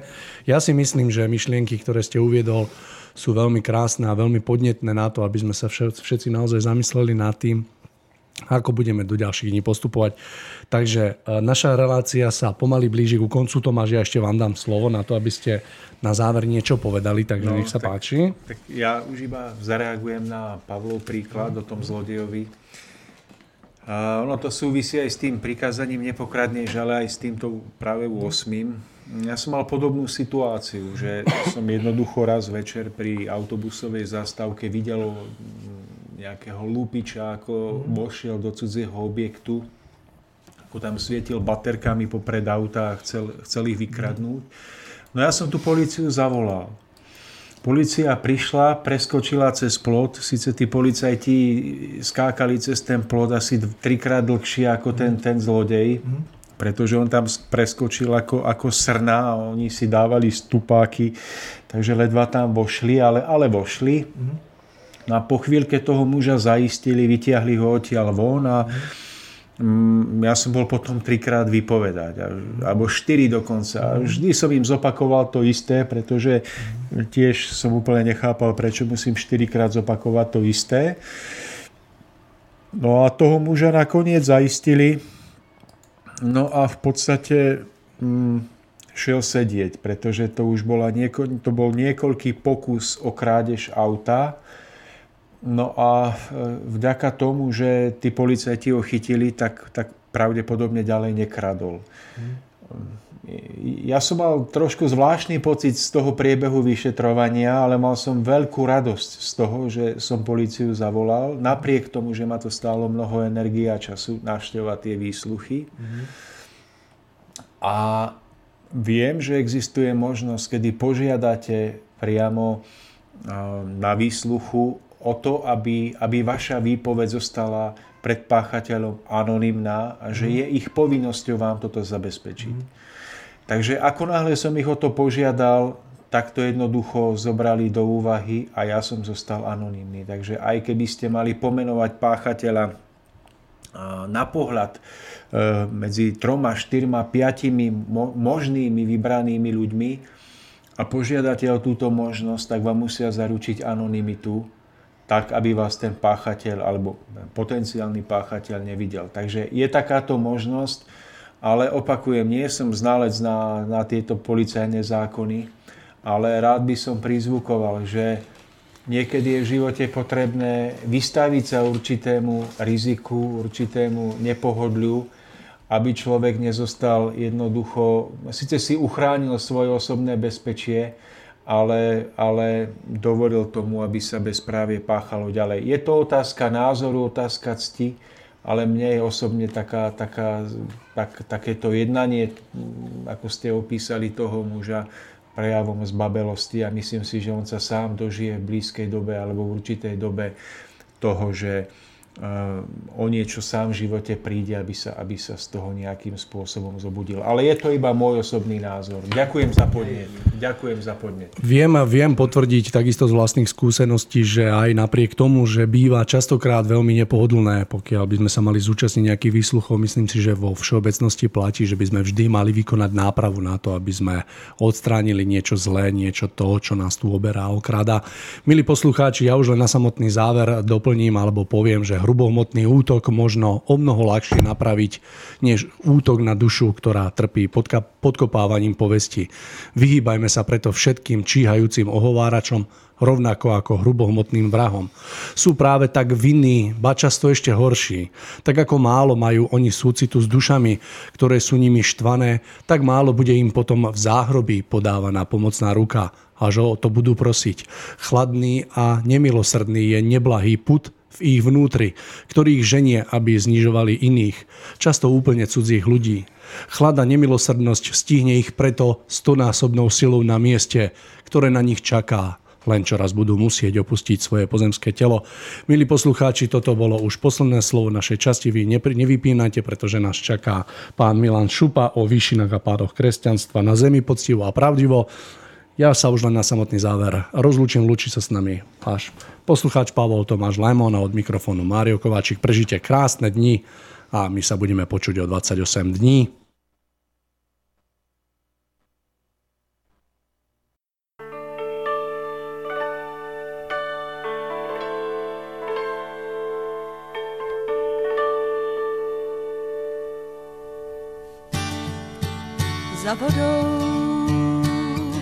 Za horou,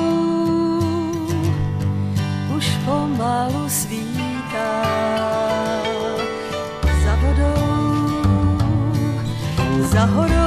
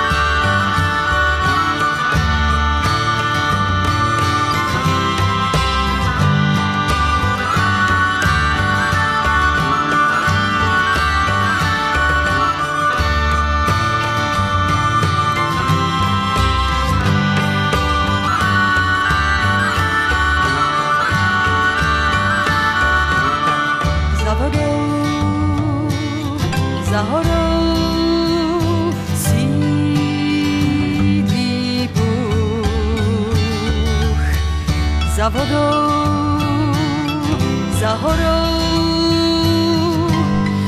Už výzdá tvůj vlak. V bílých dálkách spí tvá tvář. Ta jediná, ta nevinná, tak spí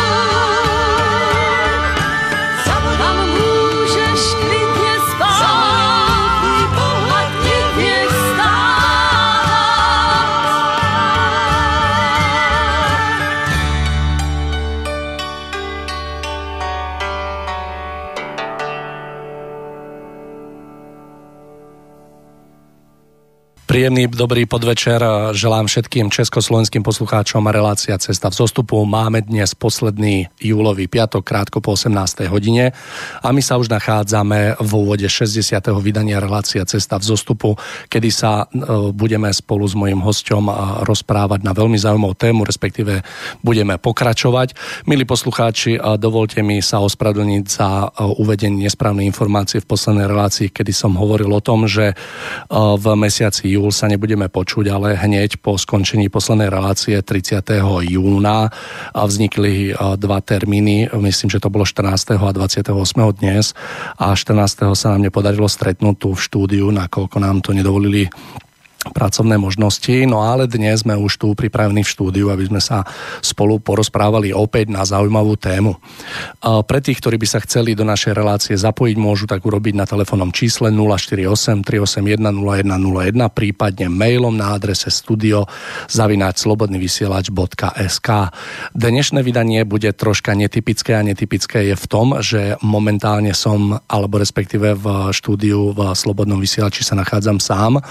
Dnes dneska mi Garde nebude robiť Tomáš Lajmon, pretože mu to pracovné povinnosti nedovolili sa dostaviť sem k nám a zároveň aj môj host nebude dnes priamo u nás v štúdiu, ale verím, že je už pripravený v Bratislavskom štúdiu Slobodného vysielača, takže pokúsime sa s ním spojiť. Takže uh, halo, halo, počujeme sa? Áno, a dobrý deň, dobrý deň, tu je Slobodný vysielač Banská Bystrica, Mário Kováčik pri mikrofóne. Pozdravujem, pán Šupa. Ako ma počujete? No, vynikajúco. Vy, aký ste mali deň dneska? Ako? V poriadku. Docestoval som šťastne do Bratislavy, takže... Počasie máte aké v Bratislave momentálne? Tak ako asi aj vy. Takže ja som tu v Slobodnom vysielači pripravený na to, aby sme mohli odštartovať dnešnú reláciu. Pán Šupa, vy ste ako na to? Môžeme sa do toho pustiť? No áno, môžeme sa do toho pustiť. Takže, uh, milí poslucháči, s pánom Milanom Šupom sa dnes budeme rozprávať na tému o výšinách a pádoch kresťanstva na Zemi. Skúsime to uh, poňať tak poctivo a pravdivo a myslím, že to bude aj uh, také voľné pokračovanie poslednej relácie, ktorú sme tu mali v júni, kde sme sa taktiež uh, s pánom Šupom a s Tomášom Lajmonom rozprávali o pôvodnom duchovne slovanom versus kresťanstvo. Takže, pán Šupa, Myslím si, že prišiel čas vám odozdať slovo, takže ja vám ho odozdávam a skúsme nejakým takým ľahkým úvodom do tejto témy vhupnúť. Áno, ďakujem za slovo. E, takže e, naozaj táto relácia bude v podstate pokračovaním tej predchádzajúcej, v ktorej sme hovorili o konflikte kresťanstva a pôvodného slovanského duchovna. A v podstate my sme sa tam vtedy dostali e, len k uzavretiu slovanského duchovna, a aj tak nám na konci relácie vznikli určité zásadné nedopovedané veci, ktoré by bolo treba e, bližšie ozrejmiť a dopovedať, čo by sme urobili teraz v úvode. No a ťažiskom tejto relácie, ako ste povedali, by bolo kresťanstvo, to znamená jeho výšiny a jeho pády.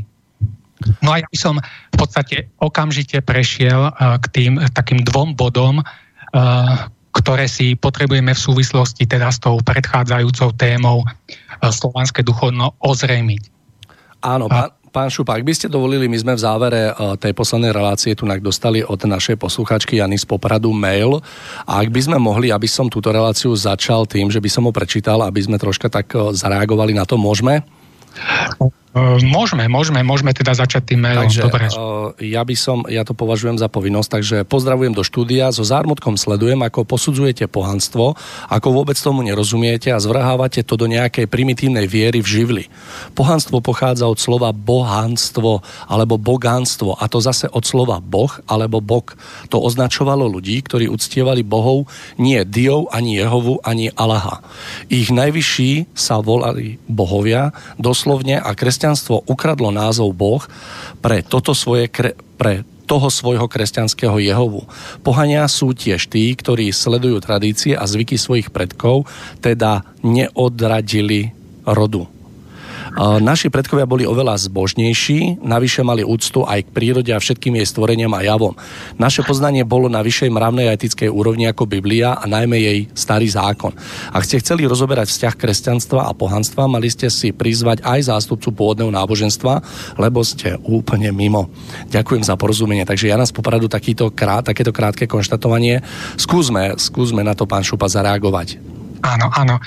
Uh, takže um, tieto slova um, charakterizujú jednu veľkú skupinu uh, priaznivcov slovanstva a všetkého slovanského, uh, ktorí v tom dobrom chcení, v tom nadšení pre veci slovanské sklzávajú k určitému nadhodnocovaniu všetkého, čo teda so slovanstvom súvisí a v tomto prípade i tej slovanskej duchovnosti, pôvodného slovanského duchovna, o ktorom sme minulé hovorili.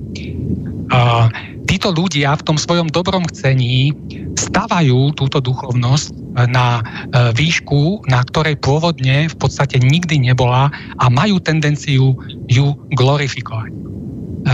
Poz- povedzme si v stručnosti, v čom spočíva e, tá podstata pôvodnej slovanskej duchovnosti, čo sme teda v tej minulej relácii charakterizovali.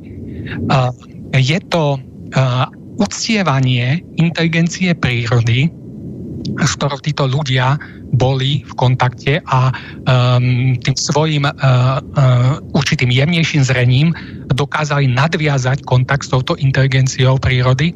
A zároveň je to uctievanie uh, určitej vedomej inteligencie stojacej nielen za prírodným dianím, ale aj za určitými vyššími a ušľaktivejšími cnostiami, čo sme si tiež rozviedli a ukázali.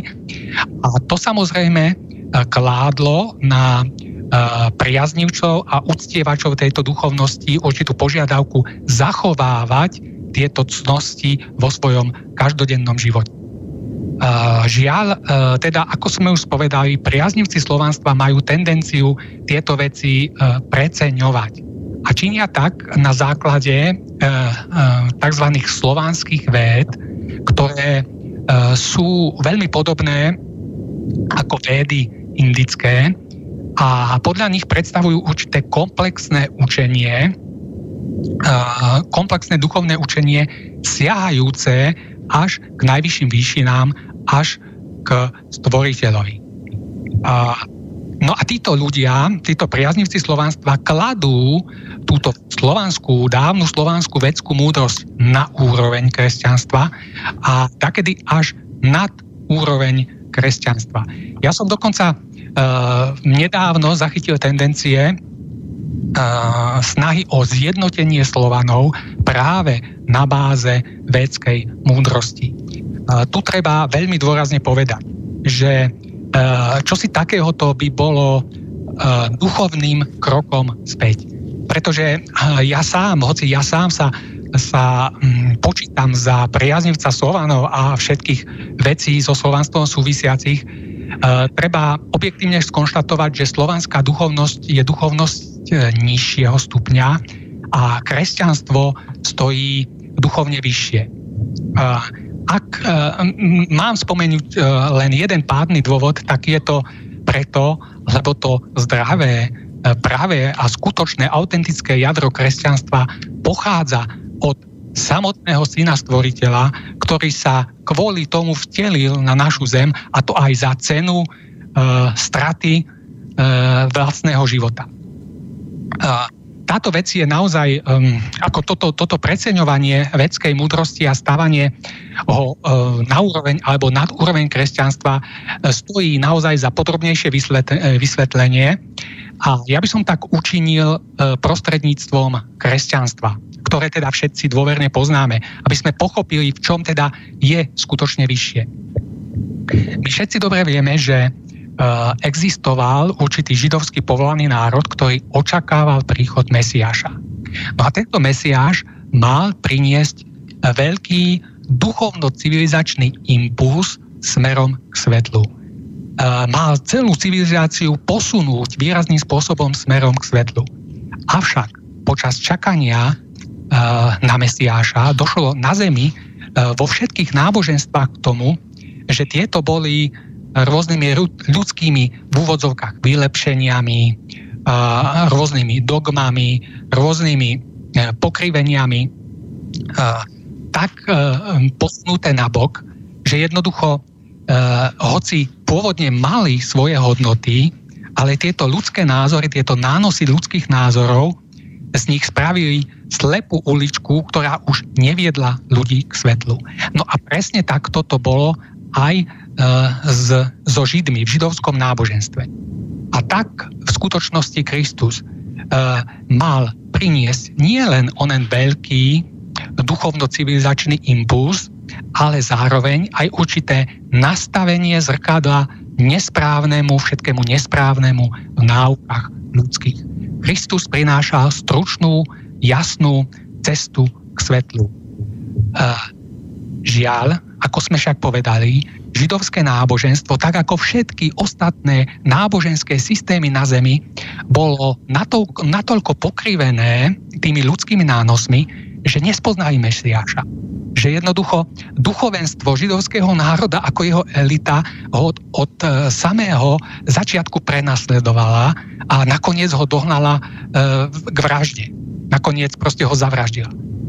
A tak sa osoba Syna Božieho stala kameňom úrazu pre posúdenie výšky duchovnosti, výšky skutočnej duchovnosti židovského národa. A ako sa ukázalo, Židia ju nemali, Židia ju nedosahovali, hoci si mysleli, že ju majú.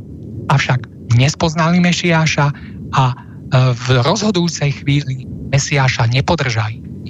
To znamenalo e, stratu ich povolanosti, e, o niekoľko rokov po, po smrti Ježiša, dobitie Jeruzalema a rozprášenie židovského národa do celého sveta a tým pádom ako národ e, žijúci na určitom území prestal prakticky existovať. E, Čo o tomto všetkom hovorím? No jednoducho preto, že ako bola osoba Ježiša Krista kameňom úrazu posúdenia výšky duchovnosti e, Židov, tak sa stala kameňom úrazu i pre výšku posúdenia duchovnosti star- starých Slovanov. Ak by totiž boli prostredníctvom védského poznania naozaj tak vysoko, ako sa to dnes predpokladá, museli by predsa toho, toho kto prichádza od stvoriteľa, uh, spoznať. A museli by spoznať je obrovitánsku hodnotu jeho učenia. A žiaľ, uh, vieme, že Slovania jednoducho sami od seba tieto skutočnosti eh, nepoznávali, čo teda viedlo ich k násilnému pokresťančovaniu. Ale mm, tieto veci svedčia jednoducho o tom, že v skutočnosti eh, nestáli až tak duchovne vysoko, ako sa predpokladá, pretože by nevyhnutne museli poznať hodnotu slova a hodnotu, hodnotu príchodu toho, ktorý prichádzal priamo od stvoriteľa. To je jedna vec, e, ktorú chcem k tomu podotknúť. Ale chcem ešte jednu dôležitú ďalšiu vec e, pre úplné pochopenie tejto otázky. E, pretože ak v týchto, v týchto veciach majú ľudia zmetok, odsudzujú aj to, čo vôbec nie je hodné odsúdenia. Ja by som chcel upozorniť na veľký dejin paradox. Národy, spočívajúci v tom, že národy, ktoré mali byť evangelizované, stáli neraz mravne, morálne a ľudsky oveľa vyššie ako tí, ktorí ich prišli evangelizovať, ktorí im kresťanstvo prinášali.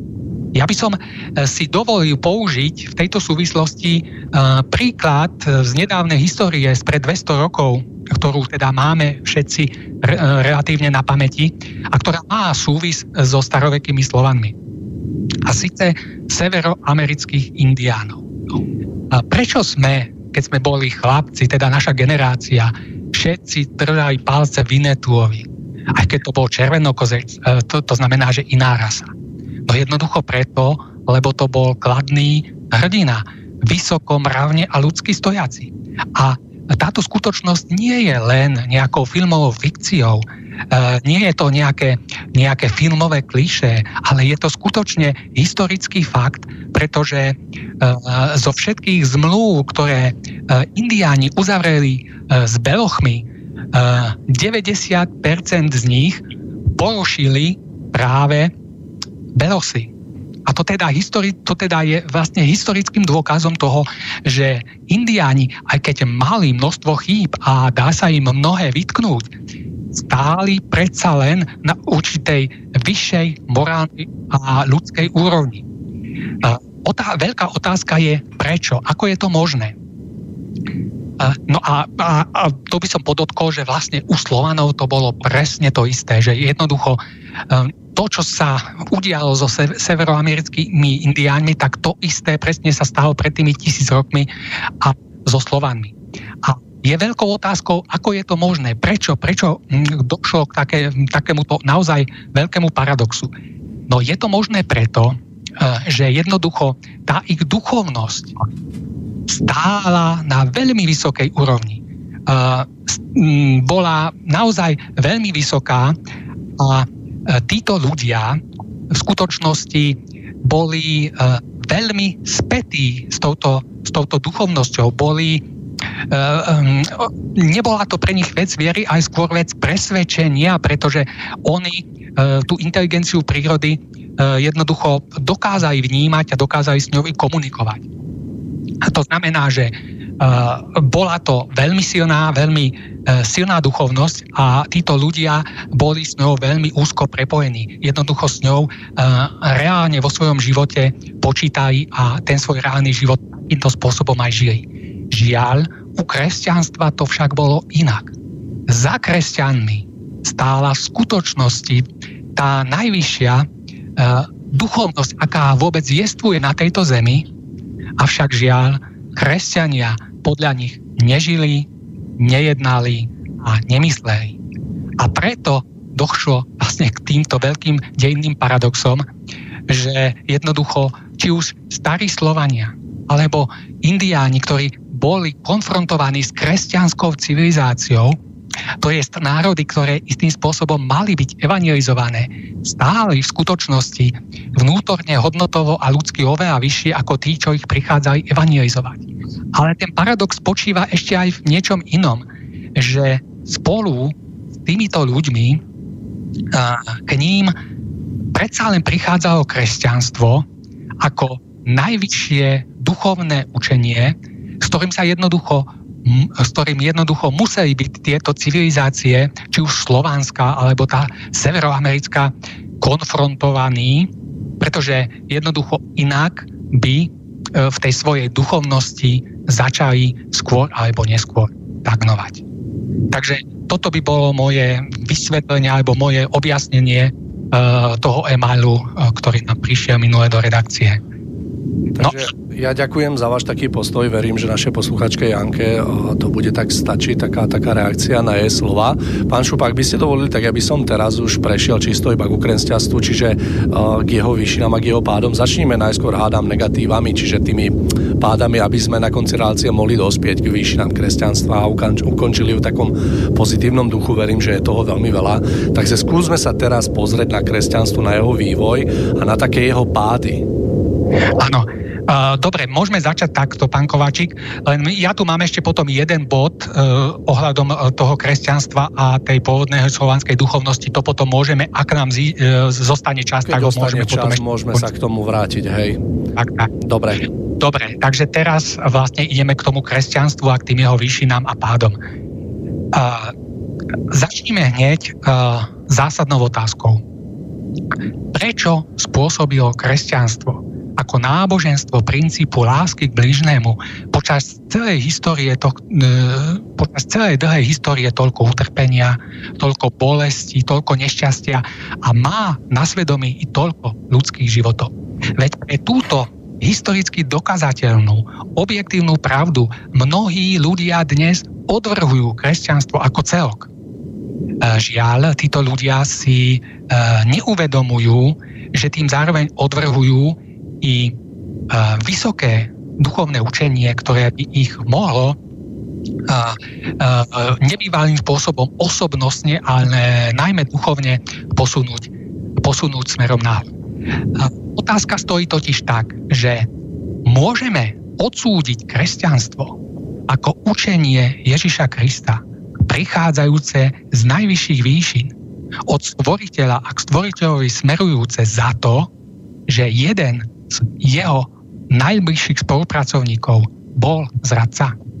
Vrhá vaj Judášova zrada, čo i len najmenší tieň zakalenia na čistotu Ježišovho učenia? Odpoveď je jednoznačná. Nevrhá. A presne takto to má byť chápané aj v celom historickom kontexte.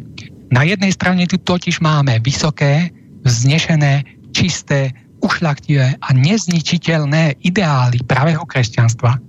Ale na druhej strane tu máme stovky bezcharakterných jedincov, judášov v radoch kresťanstva, ktorí zneužili tieto vysoké a vznešené ideály vo svoj vlastný prospech, či už osobný, finančný, mocenský alebo akýkoľvek iný.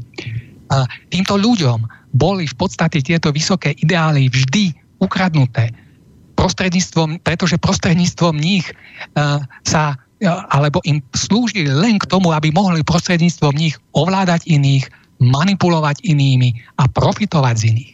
Jednoducho tieto dve veci sa musia ľudia pri posudzovaní kresťanstva naučiť od seba rozlišovať. Na jednej strane sú tu veľké a znešené ideály a na druhej strane sú tu nehodní ľudia, ktorí urobili veľa zla v mene týchto ideálov a skrývajúc sa za tieto ideály. Žiaľ, ľudia, súčasní ľudia, vo svojej navyknutej povrchnosti tieto dve veci od seba nerozlišujú. Tieto dve veci spájajú dokopy a tým odvrhujú kresťanstvo paušálne ako celok. Čím však s vodou vylievajú aj dieťa, pretože s tým všetkým negatívnym, naozaj objektívne historicky dokazateľným um, odvrhujú zároveň, zároveň i vysoké duchovné učenie, prinesené sem na túto zem za cenu položenia vlastného života. A kto teda takýmto paušálnym spôsobom odsudzuje kresťanstvo, činí len na svoju vlastnú škodu, pretože tým stráca cestu smerujúcu svetlu. A spýtajme sa teraz, e, tým sme vlastne mm, do istej miery začali v tej minulej relácii, ja by som to prešiel len tak v rýchlosti, kládli sme si vtedy otázku, prečo sa v kresťanstve nachádzalo toľko ľudášov a zradcov. A dali sme si vtedy na ňu odpoveď, že jednoducho preto, lebo takáto je kvalita ľudského materiálu na Zemi. Pretože e, medzi 12 apoštolmi, 12 učeníkmi, okolo Mesiáša e, bol jeden z nich zradca. No a tento pomer 12 ku 1 charakterizuje E, pomer čestných ľudí voči nečestným na tejto zemi.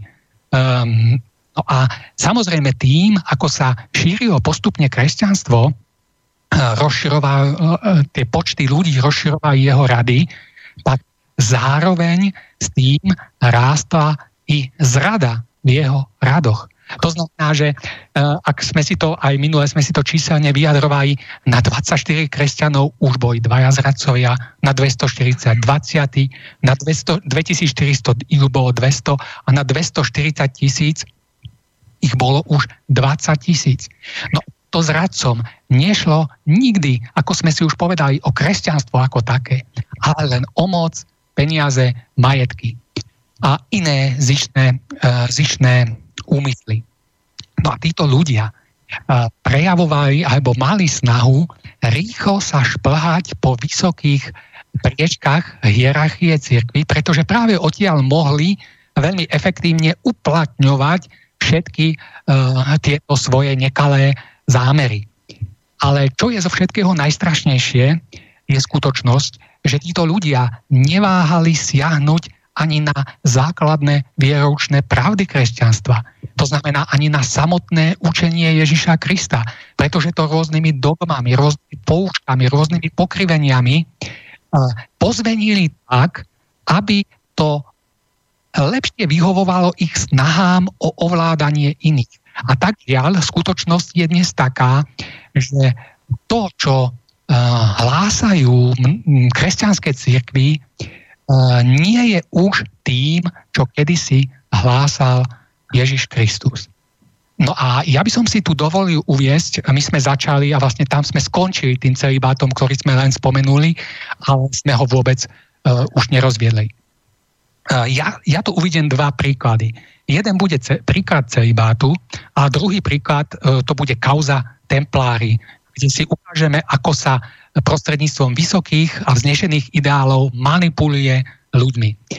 Uh, uh, celý bát uh, uh, je problém, ktorý nám ukazuje, ako uh, proste uh, zásah čisto zištný, uh, m, tváriaci sa ako duchovný, uh, veľmi ťažko poznamenal uh, všetkých kňazov a pastierov cirkvi. Ak sa totiž pozrieme do, uh, do evanielií, konkrétne napríklad do Matúšovho Evanielia, môžeme tam nájsť kapitolu s veľmi príznačným názvom Dobrovoľné beženstvo. A v ňom teda pán, učiteľ, Mesiáš hovorí, lebo sú už takí, ktorí sú zo života svojej matky odkázaní na beženstvo. A iní musia ostať neženatí, lebo im ľudia nanútili beženstvo. A zase iní ktorí si pre kráľovstvo nebeské sami, podotýkam sami, vyvolili ženstvo. Nie všetci to chápu, ale iba tí, ktorým je to dané. To znamená, že e, ak e, celý nemá žiadnu oporu, či už v evanieliách, ani v listoch apoštolov, najmä teda Pavol sa tomu venuje, tak to znamená, že že e, to musí mať, e, že ten celibát musí mať nejakú inú príčinu ako duchovnú. A tá príčina je e, hmotná. Pretože žiaľ, církev sa medzičasom stala hmotne pozemskou organizáciou, ktoré išlo o peniaze, majetky a z nich plynúcu moc. No a keďže sa tí duchovní prvotného kresťanstva mohli ženiť, mohli mať deti, znamenalo to, že proste títo ľudia, správcovia církví, kňazi, tieto svoje deti podporovali, či už finančne, alebo rôznymi nehnuteľnosťami.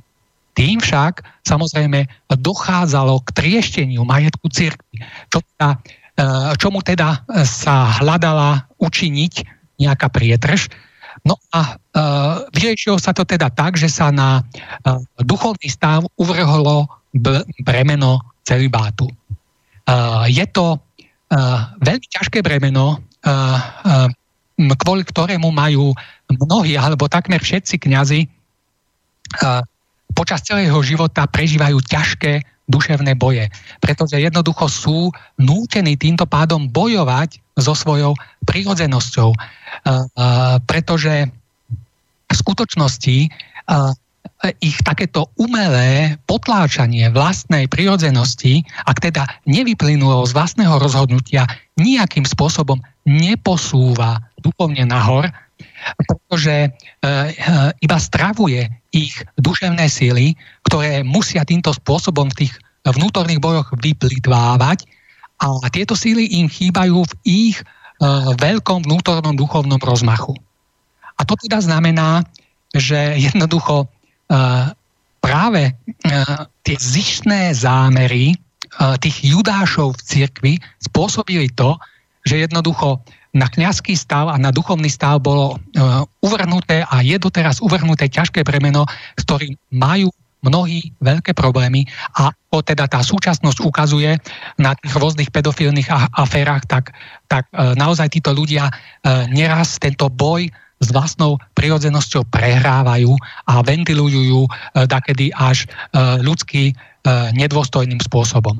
Takže to je jeden príklad, jeden príklad zásahu, duchovného zásahu do, do vlastne naučenia Ježiša, ktorý, ktorý predsa hovorí o dobrovoľnom beženstve, ale církev z toho spravila beženstvo paušálne.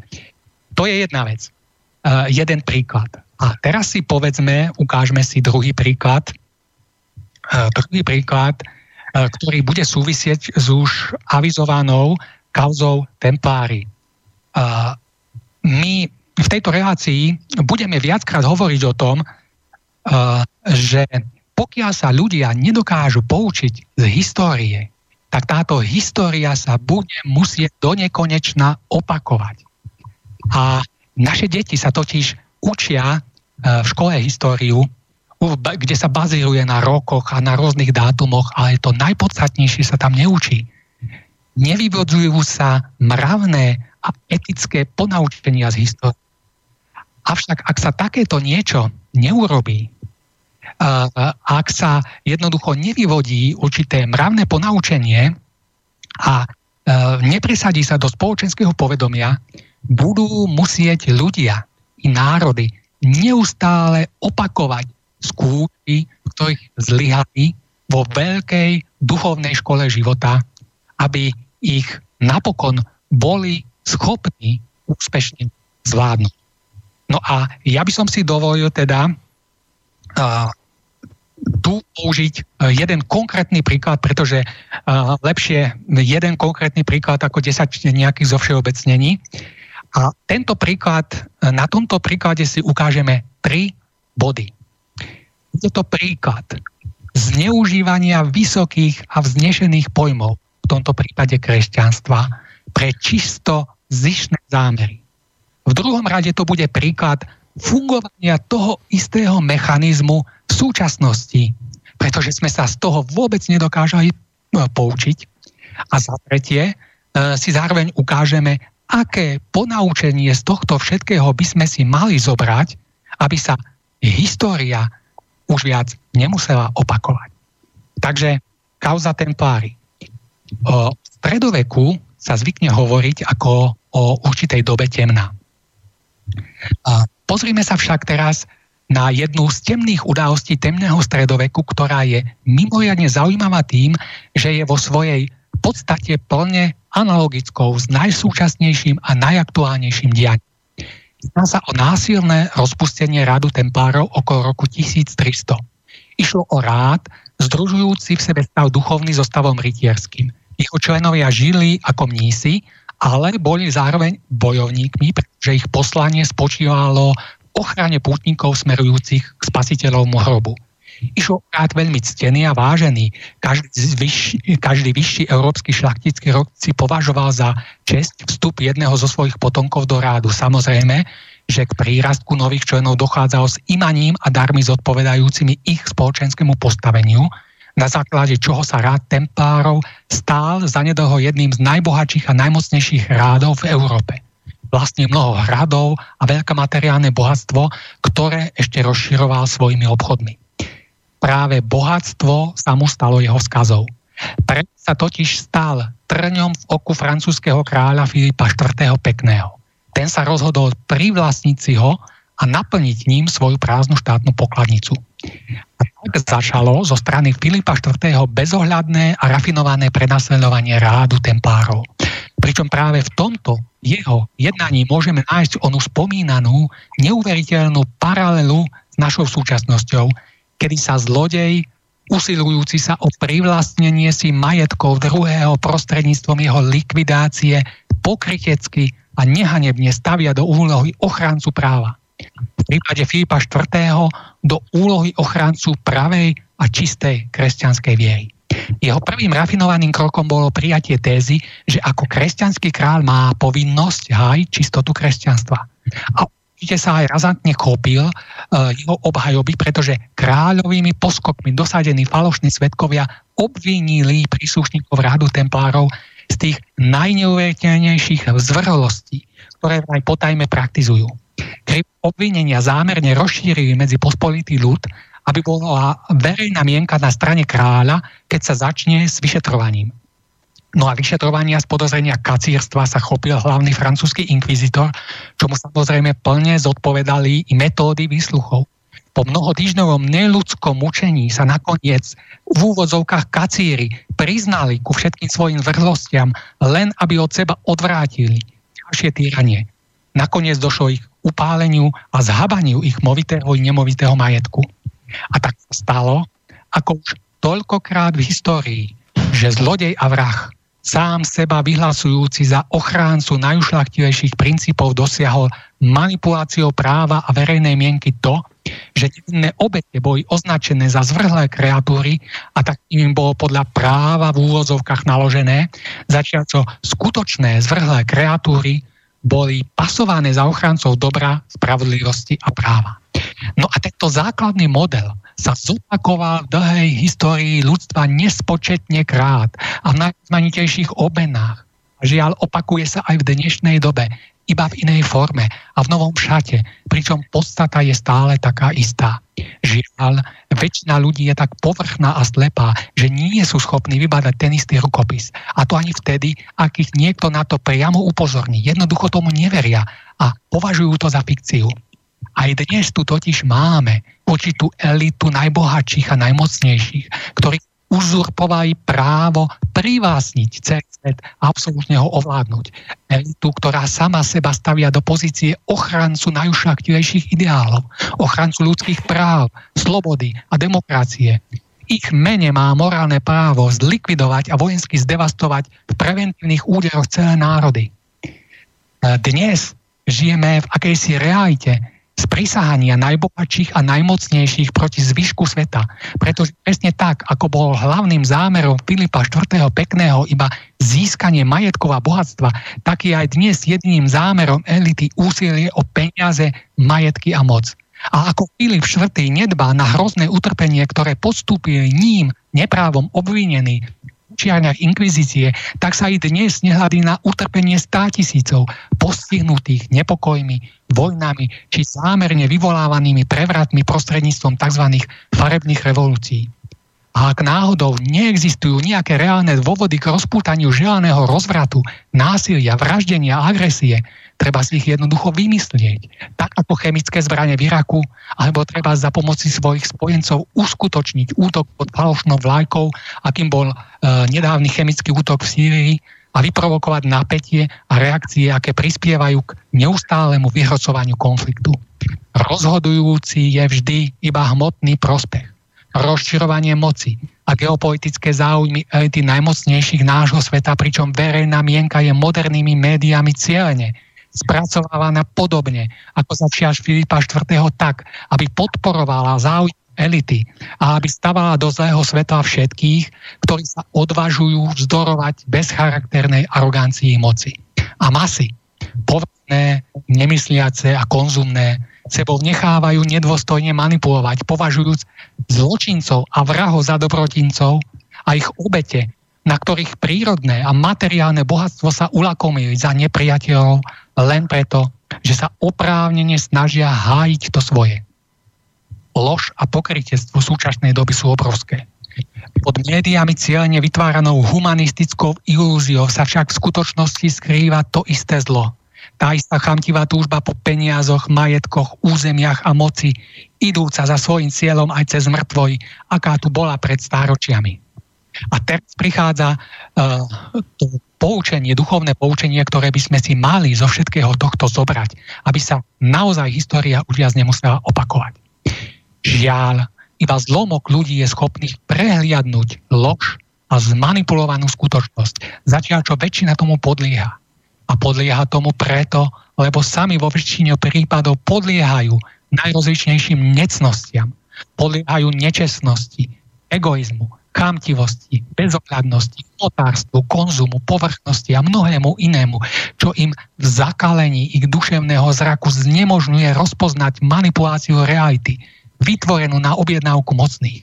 Ľudia žijú v metrixe fiktívnej reality a mnohí po celý život nepochopia ako sú v nej uväznení. Mnohí zase vedome alebo nevedome spolupracujú na fungovaní a udržiavaní tohto systému, na, základe, na základe čoho sa majú celkom dobre. A preto cez prízmu vlastného egoizmu nevidia dôvody, prečo by boli veci treba meniť. Je to však všetko život v omyle.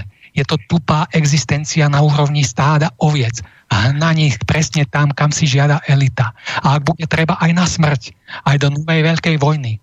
A ľudia to nevnímajú, pretože temné bremeno vlastných necností im znemožňuje prehliadnúť, prehliadnúť realitu manipulácie, v ktorej sa nachádzajú. Aktívne sa vzopnúť tomuto zlu je však možné jedine vtedy, ak sa dokážeme vzopnúť zlu v sebe samých. Ak jednoducho vezmeme vietor z plachiet zlu, ktorému slúžia elity nášho sveta tým, že sa staneme lepšími, že sa staneme spravodlivejšími, čistejšími a ušlachtilejšími, že sa staneme nesebeckými a ochotnými pomáhať, pretože jedine svojim vlastným príklonom k dobru oslabíme princíp zla. V konečnom dôsledku tu totiž máme vždy len zápas síl zla so silami dobra. A momentálne vyťazia tie, ktoré väčšina ľudí živí a podporuje. To je síl zla, podporované zlými a negatívnymi vlastnosťami miliónov. Elity a prostredníctvom nich zlo v súčasnosti vládnuce svetu má teda svoju moc iba preto, lebo mu, lebo mu k nej my sami napomáhame.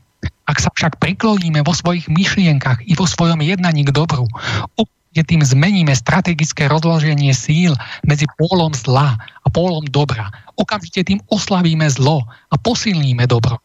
Postavme sa teda za dobro. Ale nie tak, aby sa nepovedalo, ale skutočne prostredníctvom svojho čistého myslenia a spravodlivého jednania, prostredníctvom osobného rozvinutia všetkých ušľachtilých a vznešených cností. Buď to dokážeme a pričiníme sa tým k víťazstvu dobra, alebo nás naopak úplne všetkých zhltne zlo, pretože sme mu podliehali. Potom však neplačné, že sme sa stali obeťami nejakej bezohľadnej svetovej elity, ktorá na Zemi rozpúta zničujúce síly zla. Treba s prostredníctvom jadrovej vojny. My sami budeme spoluvinní, pretože svojim príkonom ku zlu a svojimi necnosťami sme tomu dali potrebný mandát. A toto je teda jednoducho vysvetlenie toho, ako sa manipuluje s ľuďmi, či už za, v mene ideálov kresťanstva alebo v mene akýchkoľvek iných ideálov. A týmto možno by sme mohli považovať tú časť o o negatívach kresťanstva za uzavretú, i keď samozrejme by sa dalo ešte veľmi veľa hovoriť o budžiovských pápežoch, ktorí dokonalejšie ako modlitby ovládali miešanie jedov, o inkvizícii, o križiackých vojnách, ako dalo by sa hovoriť veľa o negativitách kresťanstva, ale aby nám teda zostal čas aj na tie pozitívne stránky. Takže ja by som možno tú, tú časť e, o negatívach považoval týmto pádom za ukončenú. Ako pravdou ostáva, pán Šupákov, vás tak počúvam, že naozaj o tých takých o tých pádoch a tých takých nižinách vývoja kresťanstva by sa dalo naozaj veľmi veľa rozprávať. Ja som veľmi rád, že ste vlastne vo svojom vstupe vystihol takú tú podstatu, že prečo práve došlo k takémuto e, nabraniu smeru, nesprávneho smeru, v ktorom sa momentálne my dneska nachádzame. A ja sa vôbec tak, ako ešte pred e, krátkou prestávkou opýtam úplne v krátkosti, e, vy ste to vlastne už aj povedal, keď ste spomenul, že vlastne iba pár jednotlivcov je schopných dneska zavnímať tú takú pravdu a tú realitu, tak aká v skutočnosti je a pokiaľ my sa nedokážeme naozaj z, tých, z tej minulosti poučiť, tak nás e, čakajú opakovanie tie prežitia, ktoré myslím si, že budú veľmi bolestné a Myslím, že v takomto stave sa momentálne ako spoločnosť nachádzame, že nie sme schopní rozlíšiť takú pravdu od nepravdy a od reality od nereality. Pán Šupa, ja teraz, ak dovolíte, tak dáme krátku prestávočku, ktorú si vyplníme peknou piesňou a po nej by sme sa do dnešnej rozpravy vrátili. Takže, milí poslucháči, prestávočku nám vyplní Jakub Smolík.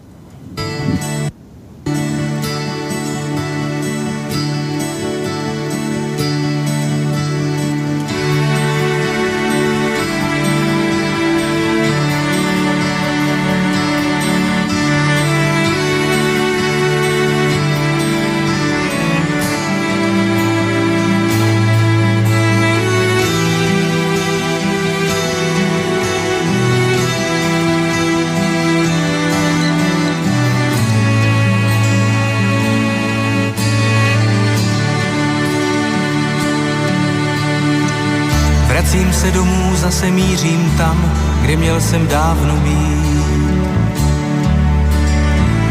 Ministrant na kůru, co zpívával Ave Maria. A táta s mámou už na práh mi naproti nepřijdou. Neřeknou jako dřív, tak buď zdrav, Ave Maria. Dnes už se loučí mnohem, mnohem hůř s každou vteřinou. Když jsem šel světem jen tak na boso, s tváří nevinou. Kdy hlavou netáhly mi mraky, dík mámo za ty krásný roky. Ave Maria, Ave Maria.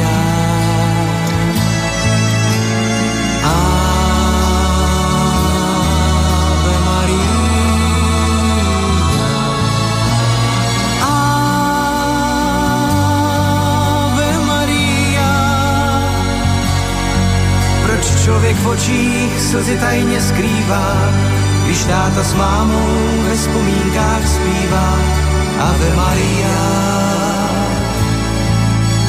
Gloria.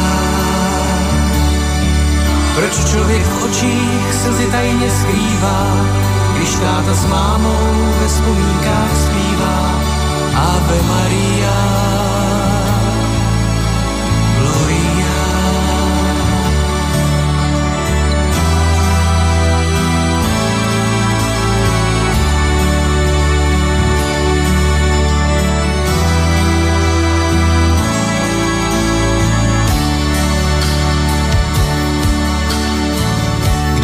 Než táta o svý holce ví, že ho postrádá.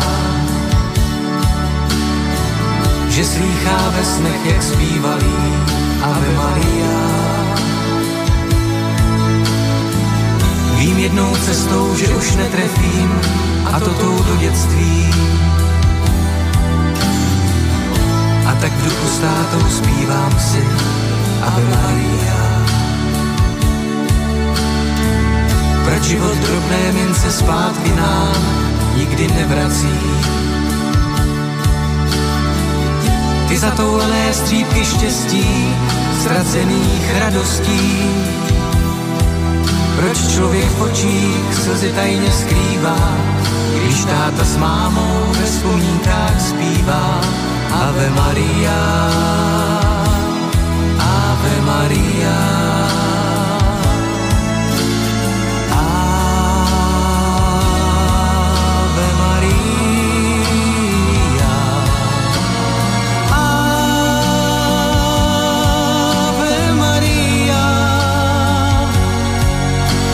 Člověk v očích slzy tajně skrývá, když táta s mámou ve vzpomínkách zpívá Ave Maria.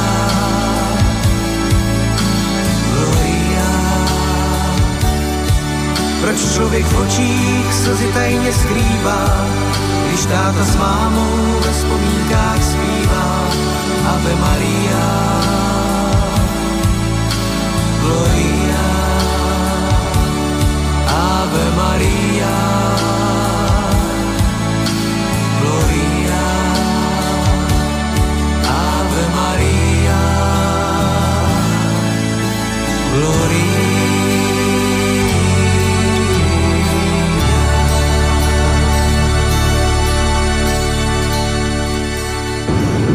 Takže po krásnej prestávke a piesni sme späť, milí poslucháči, pre tých, ktorí ste prišli k primačom iba teraz.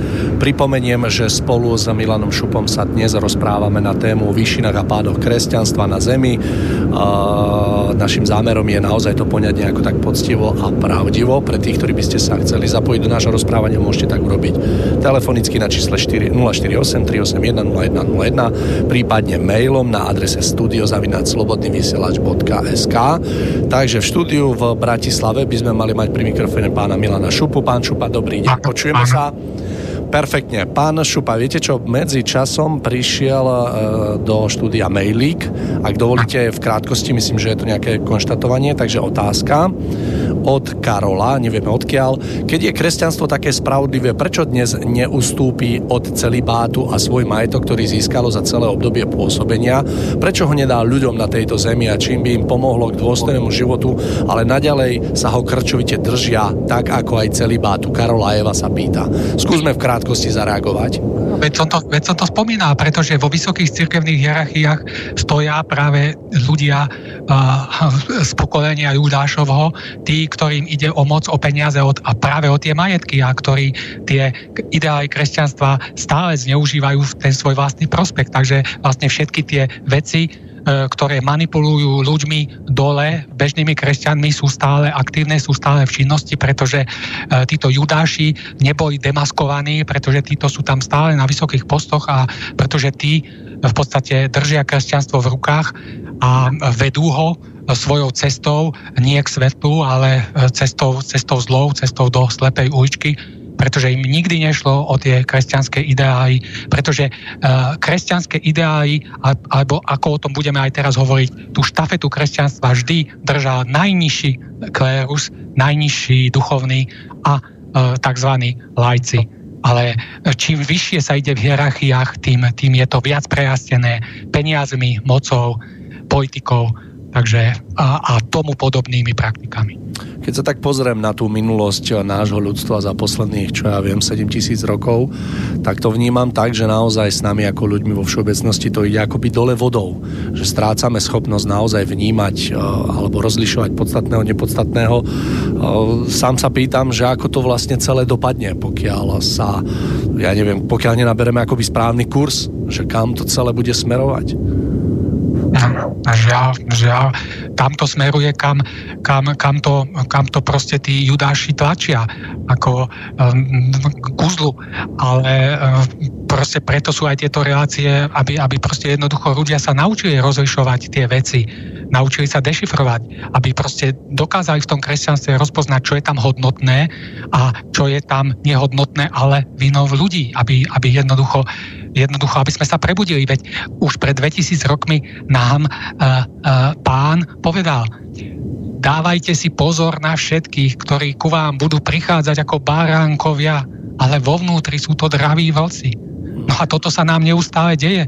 Proste všade nám hovoria, ako to zlo e, je už v dnešnej dobe sofistikované. To už si nemôžeme predstavovať to zlo, že pôsobí ako otvorenie, že proste zlý človek. To je ako tá najnižšia úroveň, ale proste dnes sú zlí ľudia v kravatách a na vysokých postoch a na najvyšších postoch a proste ženú to, ženú to pre peniaze a pre negativitu ako nesprávnym smerom a preto sa musia prebudiť práve títo jednoduchí, obyčajní ľudia, ktorí by sa mali duchovne zobudiť a Stále to tak vyzerá, ako keby naozaj na tento zemi bolo čoraz viacej ako keby tých takých zlých ľudí, že to dobro je také na ústupe a tí ľudia, ktorí sú ochotní sa za pravdu pobiť, za tú spravodlivosť, za to dobro, tak ako keby stále menej a na ústupe. No ja verím, že sa tento pomer čoskoro otočí a že naozaj, naozaj sa nám podarí to celé tak e, vyhrať. Pán Šupa, medzičasom zase prišiel mailik od Gabriely, zdravím. Ako si pán Šupa vysvetľuje vraj Ježišov výrok, dajte cisárovi, čo je cisár Cisárovo a Bohu, čo je Božie? Gabriela sa pýta. Um, a cisárovi proste robte um, veci, ktoré sú svetské. Proste my ako ľudia máme povinnosti svetského charakteru, musíme sa postarať o, o svoje živobytie, musíme chodiť do práce, proste máme teda povinnosti voči ľuďom okolo nás, ale e, máme zároveň e, aj povinnosti voči stvoriteľovi. To znamená poznávať jeho vôľu, e, snažiť sa žiť podľa jeho vôle. E, e, tá povinnosť voči stvoriteľovi spoznáva aj tom naučiť sa rozlišovať a vynaložiť úsilie, o čom teda budem hovoriť, až sa k tomu dostanem, o to, aby sme poznali tú skutočnú autentickú vôľu stvoriteľa, ktorá v kresťanstve stále je, aby sme ju dokázali očistiť od všetkých tých ľudských nánosov, aby sme ju mohli plniť a pevne sa v nej postaviť a tým dostať všetku tú ochranu a pomoc od stvoriteľa a To znamená, že dajte cisárovi, čo je cisárovo, plňte si všetky povinnosti pozemské, ale zároveň nezabúdajte, dajte Bohu, čo je Božie, že máte aj povinnosti voči Bohu. A plňte si aj tie, poznávajte jeho vôľu, poznávajte, aká je skutočnosť jeho vola, pretože bola počas stáročí e, zlomyselne zakalená a snažte sa podľa tejto autentickej vôle stvoriť a žiť. Ja to vnímam, ak môžem do toho v krátkosti vstúpiť, tak ja to vnímam tak, že Ježiš, keď toto povedal niekomu, kto sa pýtal, tak ja to vnímam z takého pohľadu, že naozaj Ježiš chcel zadefinovať, že sú dve rozdielne veci, že sú veci pozemské a božie a naozaj poukázať na ten rozdiel, aby človek dokázal rozlišovať, že dane sme si, alebo dane nie sú od Boha, ale sú od ľudí. Ja sa chcem pán Šupa opýtať takú vec s, s pohľadom na súčasnosť, že napríklad podľa, tohto, podľa tejto dobre mienenej rade, keď napríklad dneska niekto, ja neviem, ja neviem, kráti dane alebo nejakým spôsobom okráda štát, že či stojí v rozpore s touto radou že či vlastne keď cisárovi nedáva celkom to, čo je cisárové, že či stojí v rozpore s tomto. Stojí, stojí v rozpore e, vo stvoriteľa, a... pretože má byť čestný a poctivý a tú čestnosť a poctivosť má uplatňovať aj v tom pozemskom. Aj napriek tomu, že napríklad ten, ten, tie pozemské pomery sú voči tomu človeku dneska nečestné a také neférové? A, a, áno, áno. A to sa aj mne koľkokrát stane, že áno, že sú proste áno, zlovoľnými ľuďmi vytvorené zlovoľné zákony, ktoré majú ľudí nejakým spôsobom zrážať a nutia ich. Jednoducho tu musí človek mm, so svedomím, s tým najčistejším svedomím uh, uh, sa snažiť manipulovať v tom, aby aby proste mm, vo vnútri to z jeho svedomie bolo čisté. Ako, e, skutočne to máte veľkú pravdu, že dnes sú veci nastavené tak, že človek proste naráža a proste ani sa to nedá, že tie zákony sú tak, tak v skutočnosti postavené, že proste ja vám rozumiem, čo, chceš po, čo chcete povedať. Ja, ja som sa preto na to tak opýtal, aby ste práve poukázal aj na tú takú spletitosť. Áno, áno, áno. Vlastne tam, tam vždy rozhoduje potom svedomie. Áno. Svedomie, aby, aby skutočne sa človek snaží urobiť najčestnejšie, ako sa to len dá v danej chvíli. To jasný. Tak ja verím, že táto odpoveď našej posluchačke vyhovovala, alebo respektíve že počula to, čo chcela počuť, alebo že sa jej objasnilo pár vecí. Pán Šupák, môžeme, poďme sa, poďme sa preklopiť do druhej časti našej relácie. Skúsme nechať tie negatíva úplne bokom. Končíme s tou negativitou súvisiacu s kresťanstvom a môžeme prejsť na jeho pozitívne stránky, ktorých je taktiež určite veľké množstvo, na ktoré by sme sa mohli kvôli objektívnemu pohľadu by sme vlastne nemali zabudnúť na to. Takže skúsme sa tak spoločne pozrieť na ten vývoj kresťanstva, na to všetko dobré, čo vlastne stojí za zmienku, aby sme sa o tomto troška porozprávali. Áno, áno, určite by bolo nekorektné hovoriť len o negatívach, pretože počas e, tej dlhej histórie kresťan, s kresťanstvom je spomeny, e, spojených množstvo pozitív. Ako e, ja ich veľmi krátko vymenujem napríklad vlastne kresťanstvo doteraz poznamenáva ráz celej Európy, pretože v každom väčšom meste sú chrámy, počnúc od gotiky cez baroko. Ďalej, keď by sme mohli povedať umenie, sochárstvo, maliarstvo, hudba, literatúra, školstvo, veda, ako to všetko je spojené počas celej dlhej histórie s kresťanstvom. Okrem toho treba spomenúť, že naozaj tí kresťania sa snažili aj o zlepšenie kvality e, života obyčajných ľudí. A to prostredníctvom charity, prostredníctvom zriadovania rôznych nemocníc, sirotincov, starobincov, nálezincov. No ale tak, ako som to povedal, že tá pomoc tým najchudobnejším počas tých celých stáročí e, vždy stála na, stála na e, ramenách E, tých najnižších církevných hierarchií, ktoré boli neraz sami veľmi chudobní, e, títo, títo ľudia, ale v praxi sa naozaj poctivo snažili naplňovať e, ten princíp lásky k blížnemu. Žiaľ, ako som už spomenul, čím vyššie sa ide v tej cirkevnej hierarchii, tým viac sa tam prichádza do kontaktu s peniazmi, mocou, politikou a tým viac sa to už vzdialuje od tých uh, čistých kresťanských princípoch. To znamená, že tú štafetu duchovnosti naprieč celými tými dlhými stáročiami, e, tú štafetu duchovnosti skutočného kresťanstva niesol na svojich bedrách ten najnižší cirkevný klérus. To je jedna vec. Ale ja by som sa chcel v súvislosti s výšinami kresťanstva venovať niečomu úplne inému. A síce e, e, duchovnému vzostupu alebo proste ducho, jeho duchovnému pôsobeniu. E, pretože e, kresťanstvo tak ako v minulosti, tak aj dnes stále pre človeka predstavuje bránu a cestu k svetlu. A, a, a keďže a, ten Ježiš ako zakladateľ kresťanstva sám a, veľmi vyzdvihoval jednoduchosť, tak um, on v tej svojej uh, jednoduchosti, uh, v tom nabádaní nás, aby sme boli naozaj ako deti, aj pri posudzovaní duchovnosti ako takej, nám veci uľahčoval na maximálnu možnú mieru a jednoducho sa nám snažil veľmi stručne definovať dva základné piliere, na ktorom spočívalo kresťanstvo a spočíva doposiaľ kresťanstvo napriek všetkým jeho chybám. Tými dvomi piliermi je láska k Bohu a láska k blížnemu. Stvoriteľ to veľmi pekne vyjadril vetou. Milovať budeš svojho pána celým svojim srdcom, celou svojou mysľou, celou svojou silou a milovať budeš svojho blížneho ako seba samého.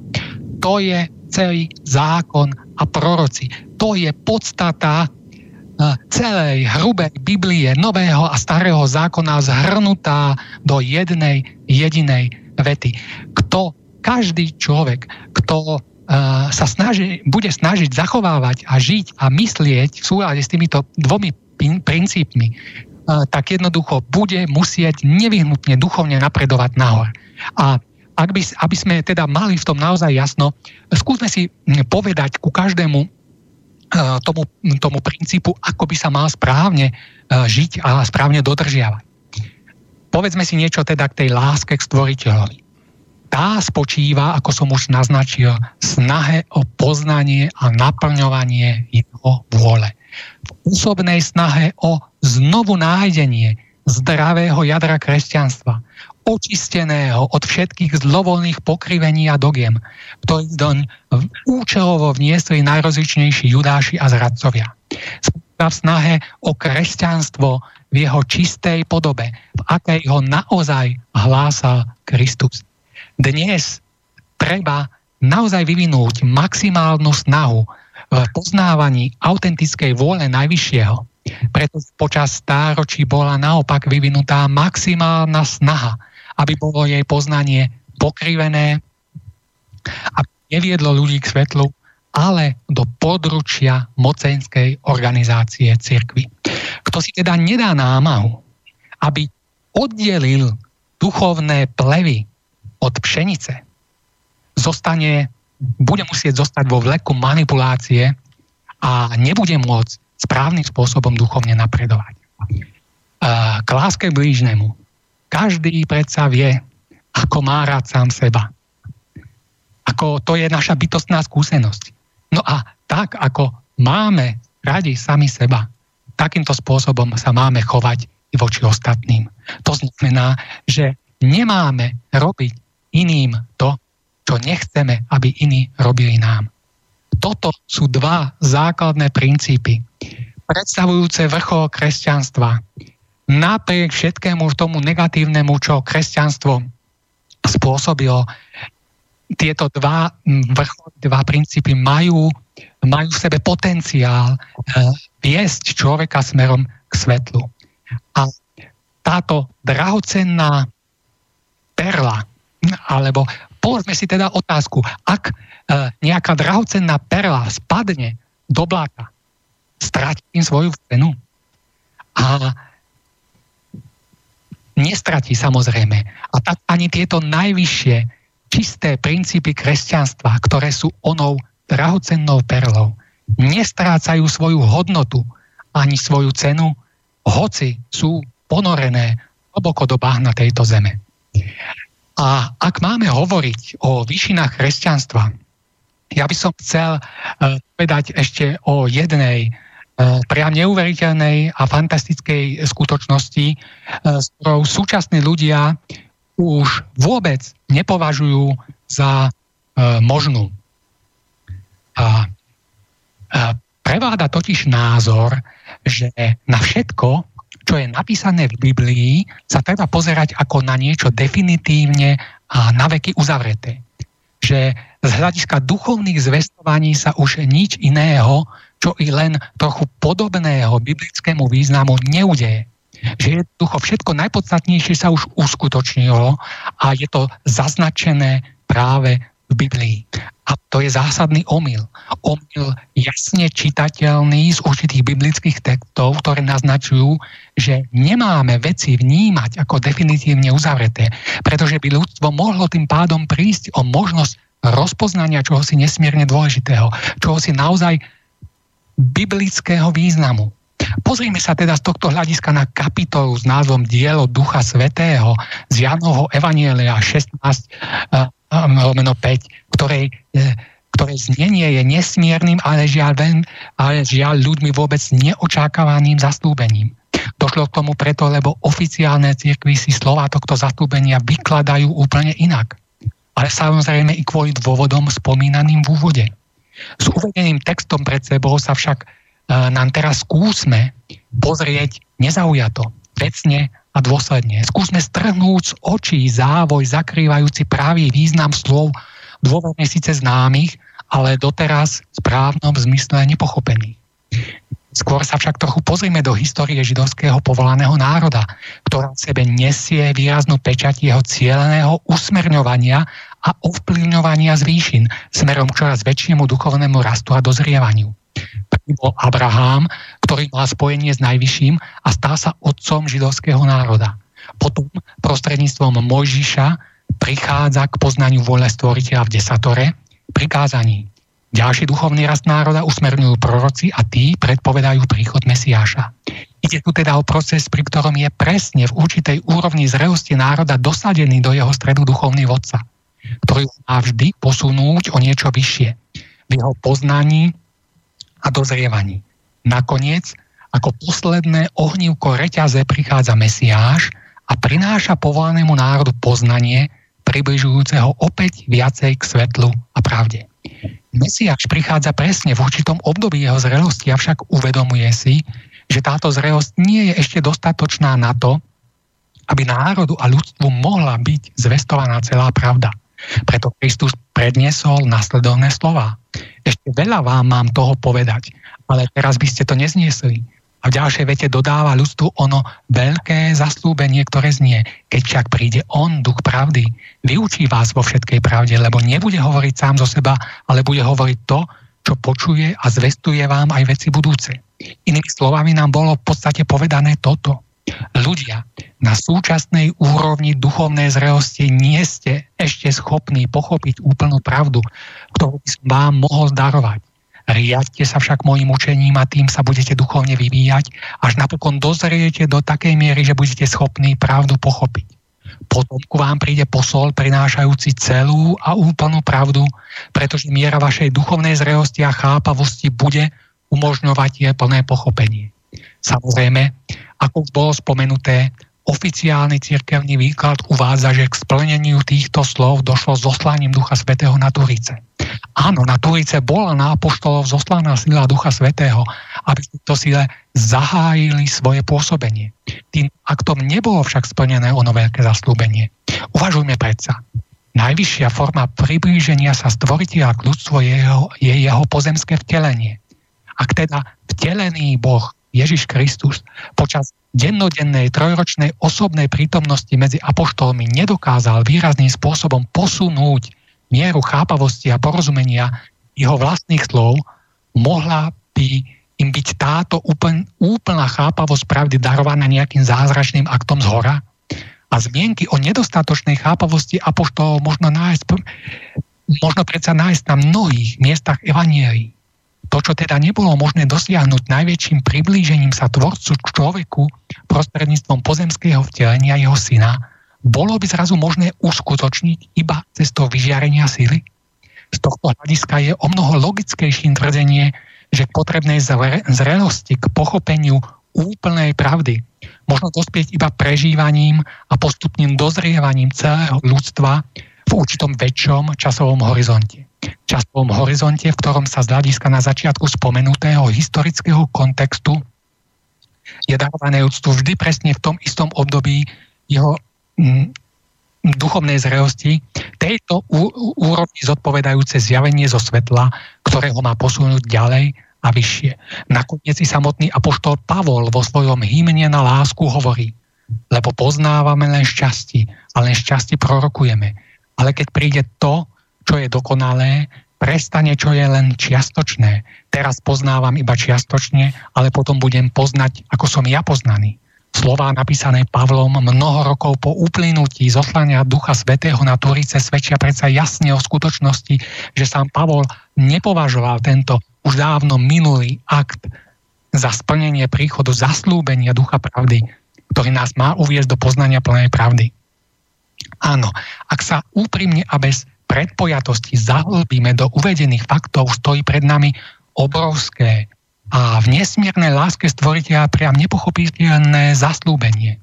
Veľké zjavenia nie sú teda ešte uskuto- ukončené, lebo práve zvýšená miera súčasnej chápavosti, vzdelanosti, vývojovej zrelosti a v dostatočnom časovom takmer 2000-ročnom odstupe má priniesť národom Zeme ich završenie darovaním hlbokej, ucelenej, komplexnej pravdy o bytí človeka a fungovaní stvorenia. Presne tak, ako nám to zasľubujú slova Mesiášové. Skutočnosti, o ktorých hovoríme, či už to teda chcú uh, ľudia pripustiť alebo nie, uh, nám dosvedčujú o tom, že kresťanstvo predstavuje v skutočnosti vrchol duchovných snách na našej planete. Pretože práve v jeho línii sa má naplniť zásadný duchovno-civilizačný impuls, ktorý má posunúť našu civilizáciu zase opäť výrazným spôsobom dopredu. Ja by som všetkým poslucháčom, ktorí sa chcú oboznámiť s týmito naozaj fascinujúcimi skutočnosťami, odporučil dielo vo svetle pravdy, kde teda môžu sa okrem týchto naozaj fantastických vecí dozvedieť e, i o čistých princípoch kresťanstva, nájsť definíciu čistých princípov kresťanstva bez všetkých ľudských výmyslov, dogiem, pokrivení. Pán Šupák, dovolíte na chvíľočku, by som vás prerušil. Opäť nám do štúdia prišli dva maily, takže ja dovolíte, prečítal by som prvý, pani Božena Tichá.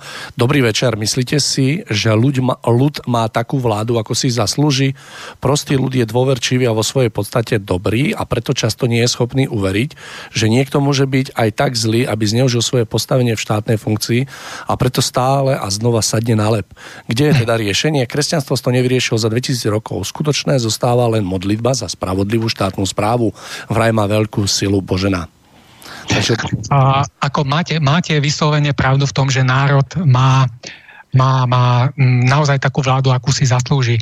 Jednoducho ten vzostup národa a, a tá, tá jeho, spra, jeho, jeho spravodlivá reprezentácia závisí od rozvíjania cností naozaj tých najobyčajnejších ľudí. Ako ja som spomínal, že jednoducho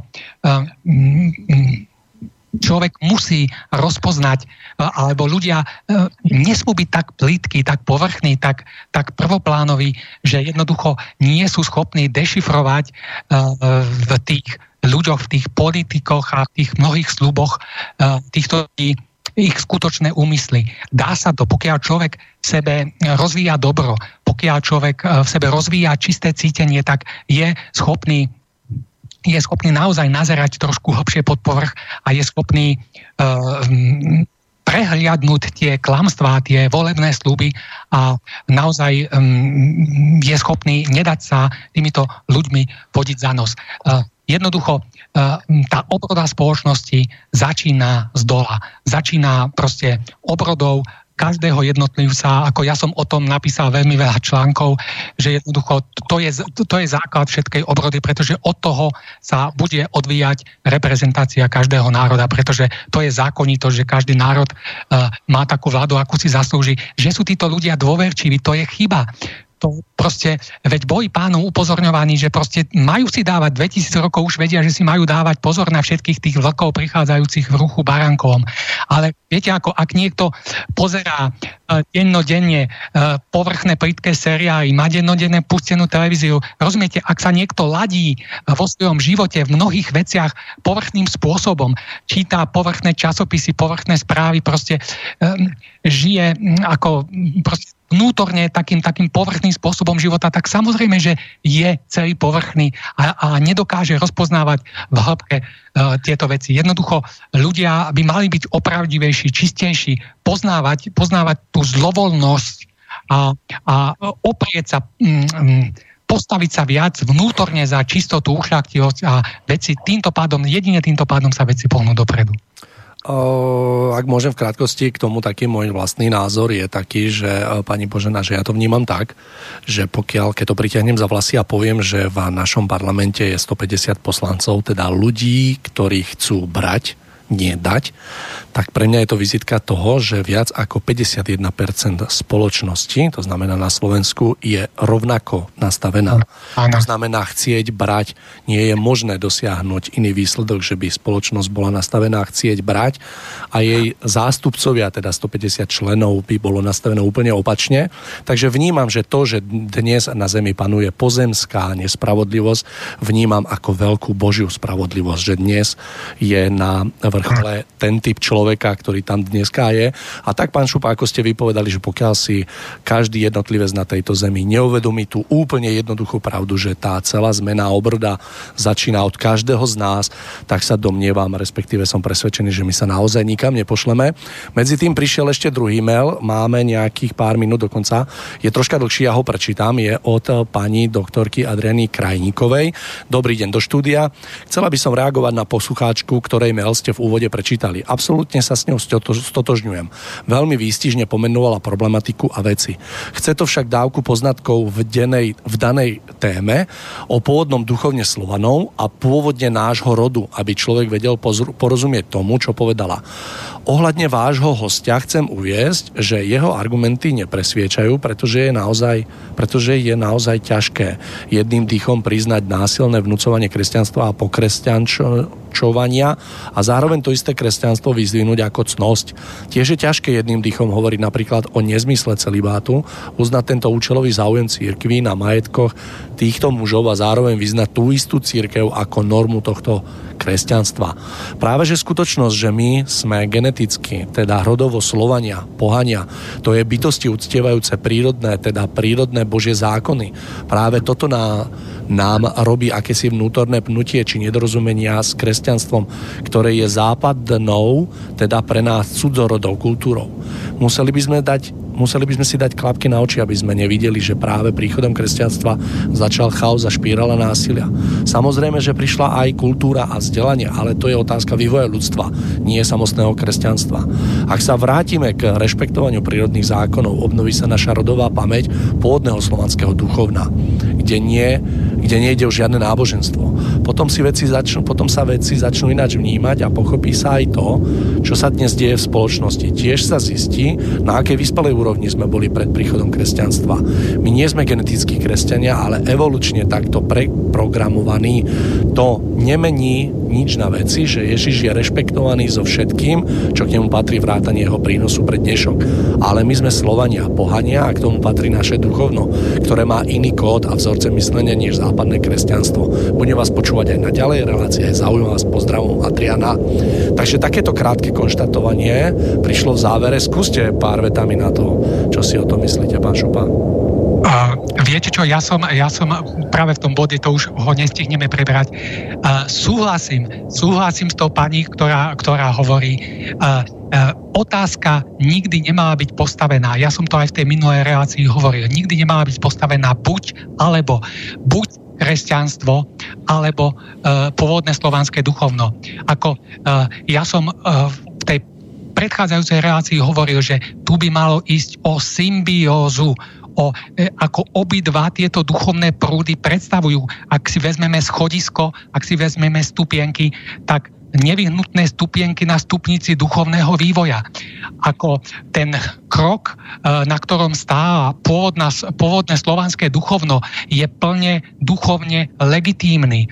A ako tam proste to duchovno malo re, reálny kontakt s tou inteligenciou E, vnímajúcou teda ten svet prírody.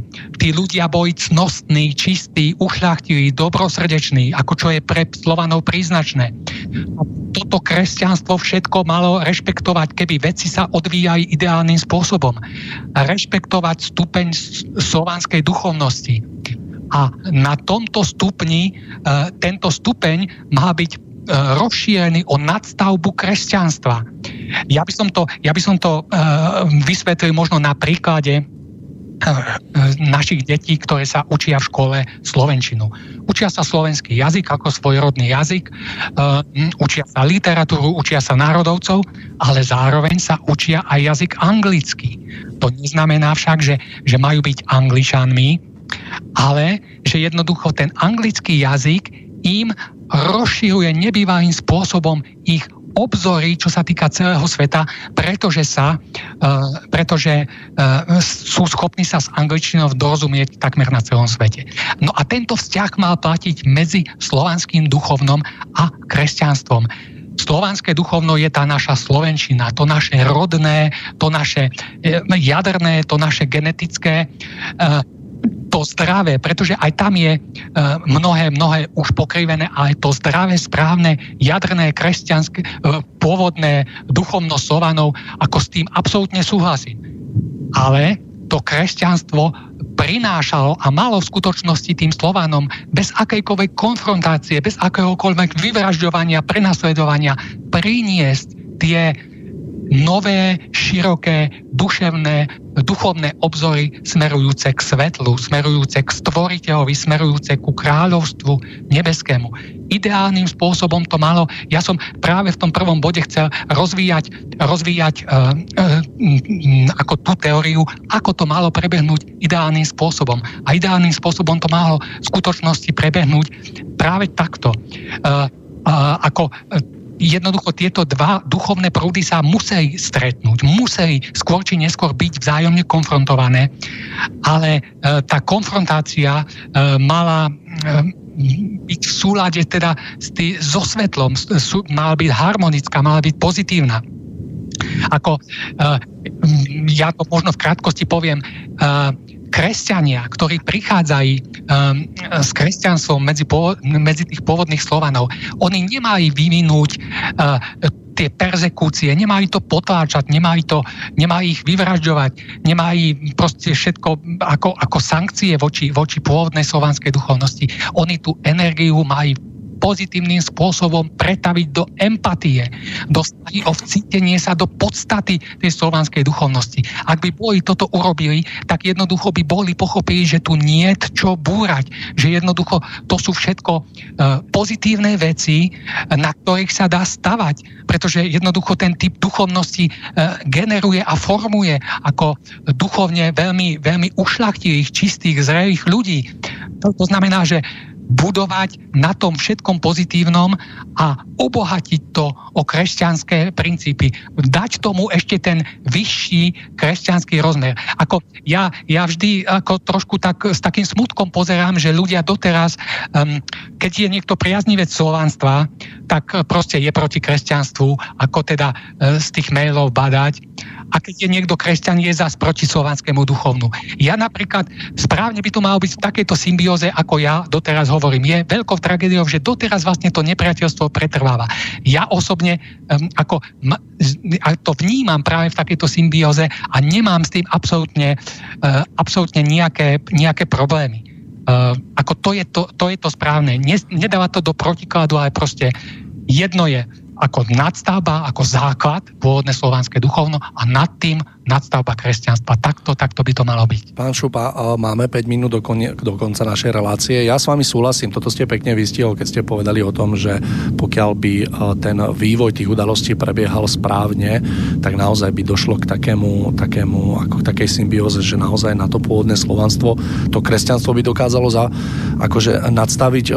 Myslím si, že to veľa hovorí o tom, o tom, v akom stave sa dnes človek, teda ľudský duch nachádza, že dnes asi nie sme schopní si sadnúť za jeden stôl a naozaj viesť úplne konštruktívnu debatu o tom, alebo snažiť sa to nejako prepojiť, premostiť, nájsť také spoločné východiská z toho, bez toho, aby sme sa tam, poviem to tak, nepozabíjali. Tak, takže naozaj, naozaj tie udalosti nejako boli, nejako ich ľudia vnímajú.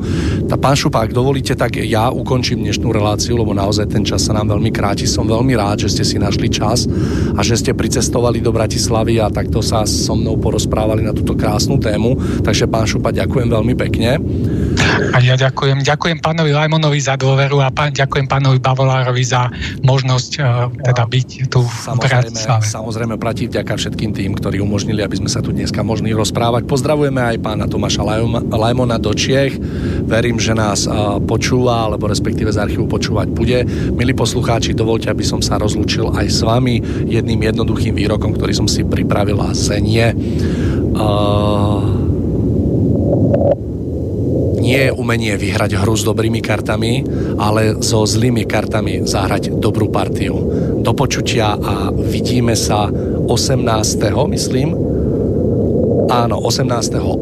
bude to piatok, budeme tu mať veľmi zaujímavých hostí, takže sa teším. No a už len na záver, milí, spolu, uh, milí posluchači, sa rozlúčim.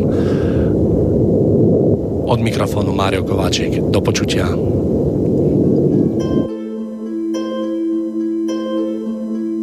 Pod nohami rozprestretá lúka zelená, kto pozbiera všetky kvety, moje srdce má. Kto koberec vyšívaný odtiaľ prinesie, tomu budem patriť celá, dám znamenie. Viac než všetky dary sveta, pre mňa si kľakne tvoja vernosť s mojou predoltár. Nech ma nikdy nebolievá, láska nechcená, máme srdcia pripútané, Vánok nesie nás. Na posaď ma a leď dolinami, vrchmi, cez ten šíri svet na bielého konia, čo docvála